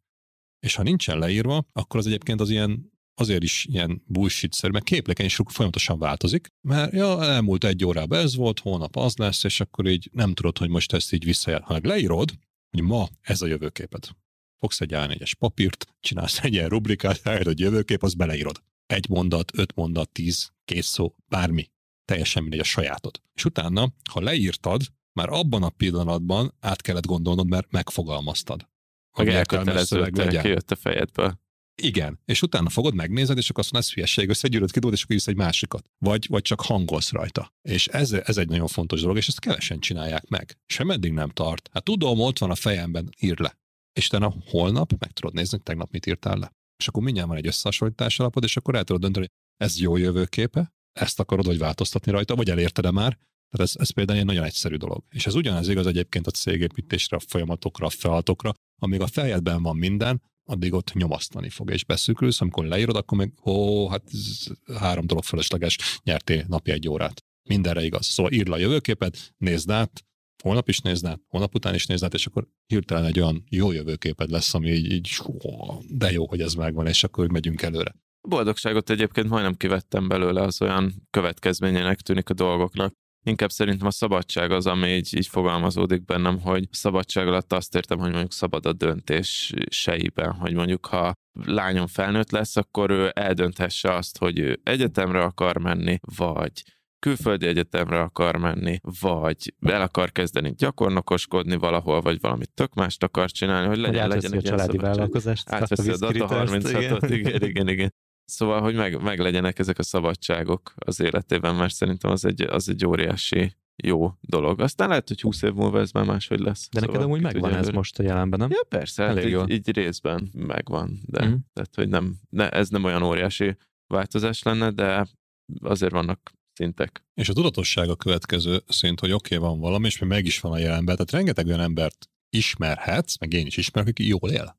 Jól keres, jó munkája van, akár a saját cégében. Oké, okay, de lehet, hogy ezt mint hogy én esetemben is volt, 7 év után így belefárad, beleun. És akkor azt mondja, nem akarja csinálni, és akkor mi történik így a életszínvonal így leesik, mert akkor ha nincs jó munkád, amit nem szeretsz csinálni, akkor így elapadnak a bevételi források például, vagy a céget megvonod, vagy bármi. És ugye ezért kell tudatosítani magad, hogy mit szeretni, és az mi kell. Mert most lehet, hogy minden farankó. De lehet, hogy jön egy hirtelen változás, és lehet negatív, pozitív, bármi az életedbe, egészségügyi, családi, magáni cég, bármi, ami így felborít mindent. És akkor az megint alkalmazkodni kell, és ha van egy jövőképed, akkor az úgy lehet, hogy nem enged letérni az útról, egy olyan hirtelen változás miatt, meg nehéz helyzet miatt, mert tudod, hogy igen, oda szeretnél eljutni a 10-20-15 éves jövőképeddel, és akkor nem dobsz mindent félre valami egyszerű dologért holnap. Krisztián, én nagyon köszönöm ezt az interjút neked, ezt a beszélgetést. Inspirált vagyok sok mindenre. Öröm Egy-két, egy-két nagyon konkrét dolgot fel is írtam magamnak, amit meg fogok csinálni, változtatni fogok. Bennem voltak, de úgy nem hittem el, hogy meg tudom csinálni őket. Itt kifejezetten delegálás, bizonyos szervezeti átalakítások szintjén, úgyhogy ilyen nagyon konkrét változásokkal is megyek el, és remélem, hogy a hallgatók is. Szerintem nyilván itt ez az utolsó beszélgetés részlet, ez egy jó motiváció arra, hogy megtalálják a jövőképüket. Ebben tök jól segít a könyved. Én őszintén azóta gondolkozom ezen sokat, hogy egyik hétvégen olvastam ki, és uh, ott ültem fölötte még egy órát körülbelül, és így gondolkoztam ezen, hogy ezt én értem érzem-e magamban, és akkor jött ki ez a mondat, amit az előbb elmondtam neked, úgyhogy ha úgy fest, akkor hozzájárult ahhoz, hogy egy, egy nagyon jól megfogalmazható érzés szinten is jelenlévő jövőképem legyen, úgyhogy köszönöm szépen. A végén meg van egy barom nagy csattanó, vagy számomra nagy csattanónak számítottam, hogy még oda igen, meg nekem van 20 oldal a könyvből, úgyhogy légy szíves, nem adom. előtte, még nem tudja. Én kérdeztem az adás előtt, hogy elmondjam, Tomi, hogy mi a csattanó? Hát ne, ne, ne, ne, ne. Ne, hát Úgyhogy igen, jó, jó, jó, a utolsó oldalig nagyon jó a könyv, én nagyon szerettem. Köszönöm szépen, ez egyébként ezért öröm csinálni az ilyen visszajelzésekért, tehát hogy ez, ez, ez emellé, meg az ember tud vele adni, mert, mert hiszek abban, hogy a, ezt is a Balogh Petyával fejtettük meg, hogy a tudásunk, a tapasztalat egyedül az a világban, ami folyamatosan nő, és adok belőle neked, akkor több lesz neked is, meg nekem is. És a másik, amit megmondtál, nagyon sok embert az akadályoz meg, a kis hitűségnek szoktam fogalmazni, hogy a saját fejünkben van egy gát. Meg lehet, vagy nem lehet megcsinálni, és ennek örülök, hogy most le tudtunk jó pár ilyen gátat a könyvvel bontani a te fejedben, és amikor a kis hitűség, ezt nem lehet megcsinálni, nekem nem lehet, én nem hiszek benne, ez nagyon sokszor visszahúzza az embert, és azt el tudod engedni, akkor kinyílik előtted a világ, és, és egy sokkal jobb, élvezhetőbb, élményes, élményekkel, vagy élményszerűbb életet tud lenni. Mind a magában, mind a vállalkozásban. Hát hasonlókat kívánunk neked is, mert azért még sok minden vár el, és minden újraírt jövőképed majd még formálni fogja az életedet, de, Ez így van. de úgy látszik, hogy azért sokat fogsz még tenni azért, hogy a jövő vállalkozó közössége könnyebben tudjon élni, úgyhogy ez, remélem, hogy ez lesz majd így a- az utadon, és segítesz majd nekünk továbbra is. Én itt leszek. Jól van. Köszönöm szépen a meghívást. Kedves Köszönjük hallgatóink, én azért még egy-két fontos üzenettel zárnám ezt, mert mondta Krisztián, hogy a tudás az, amiből ha megosztjuk, akkor, akkor abból senkinek sem kevesebb lesz, hanem csak több lesz belőle, és ilyen az impulzus hírlevél is, ami a remek termékünk, ami hasonló utat jár be szerintem, mint akár egy jó könyv. Most már megírtunk, nem tudom, 20 valány anyagot? Szerintem mindegyik, mindegyik egy fél könyvnek, vagy egy negyed. 20, könyv. 23, és havonta bővül kettővel, meg, az, meg néha extra anyagokkal is. Igen, nagyon sok tartalmunk van most már, mi is tanuljuk az írást, és egyre többet írunk, és ilyen egy-egy ilyen hosszú anyag, ilyen 25 oldal, A4-es oldal, szóval nagyon sokat írunk, és én most találtam rá erre a formátumra, hogy elég jól tudom megfogalmazni most már azt, hogy mi van bennem, meg mit tanultam, úgyhogy ez az írás formátum, ez nagyon jó. Lehet, hogy majd egyszer egy könyv lesz belőle, az impulzus könyv, hogyha eljutunk oda, de most minden esetre majd könyvtár formában most már minden, minden korábbi anyagunk hozzáférhető lett, és ezt kívánjuk, hogy ezt nézzétek meg, próbáljátok ki, mert nagyon jó. Természetesen olvassátok a Jövőkép című könyvet is, hallgassátok a Cégépítők podcastet, iratkozzatok fel a YouTube csatornánkra, ott rengeteg új dolog van, most már TikTokon is fenn vagyunk, Instagramon is fenn vagyunk, rengeteg rövid videónk van, úgyhogy van bőven mit fogyasztani, de a leges legjobb hely az interneten, az pedig az átcsoportunk. Ez a Business Boys podcast csoport néven fut, és 4000 nagyon lelkes vállalkozó, vagy, vagy olyan fajta vezetői, vagy különböző pozíciókban lévő kollega van ott, akik nagyon szeretnének fejlődni, úgyhogy gyertek, csatlakozzatok. Igen, meg öt csillagra értékeljétek a potit, meg minden. Tudjátok, tudjátok, tudjátok. Köszönjük szépen, hogy velünk voltatok. Egerszegi Krisztián, a mi CRM tulajdonosa, Cegépítők Podcast alapítója és a Jövőkép című könyv szerzője volt ma a vendégünk. Maradjatok velünk a következő két hét múlva megjelenő adásunkban is. Sziasztok! Sziasztok! Sziasztok! Köszönöm, hogy végighallgattátok ezt az adást. Ezek szerint az elejétől a végéig érdekesnek találtátok. Bízom benne, hogy az én utam is adott nektek érdekes felismeréseket, és sikerült a jövőképetekhez is új célokat adnom. Köszönöm a Business Boy csapatának ezt az interjút, hallgassátok őket is.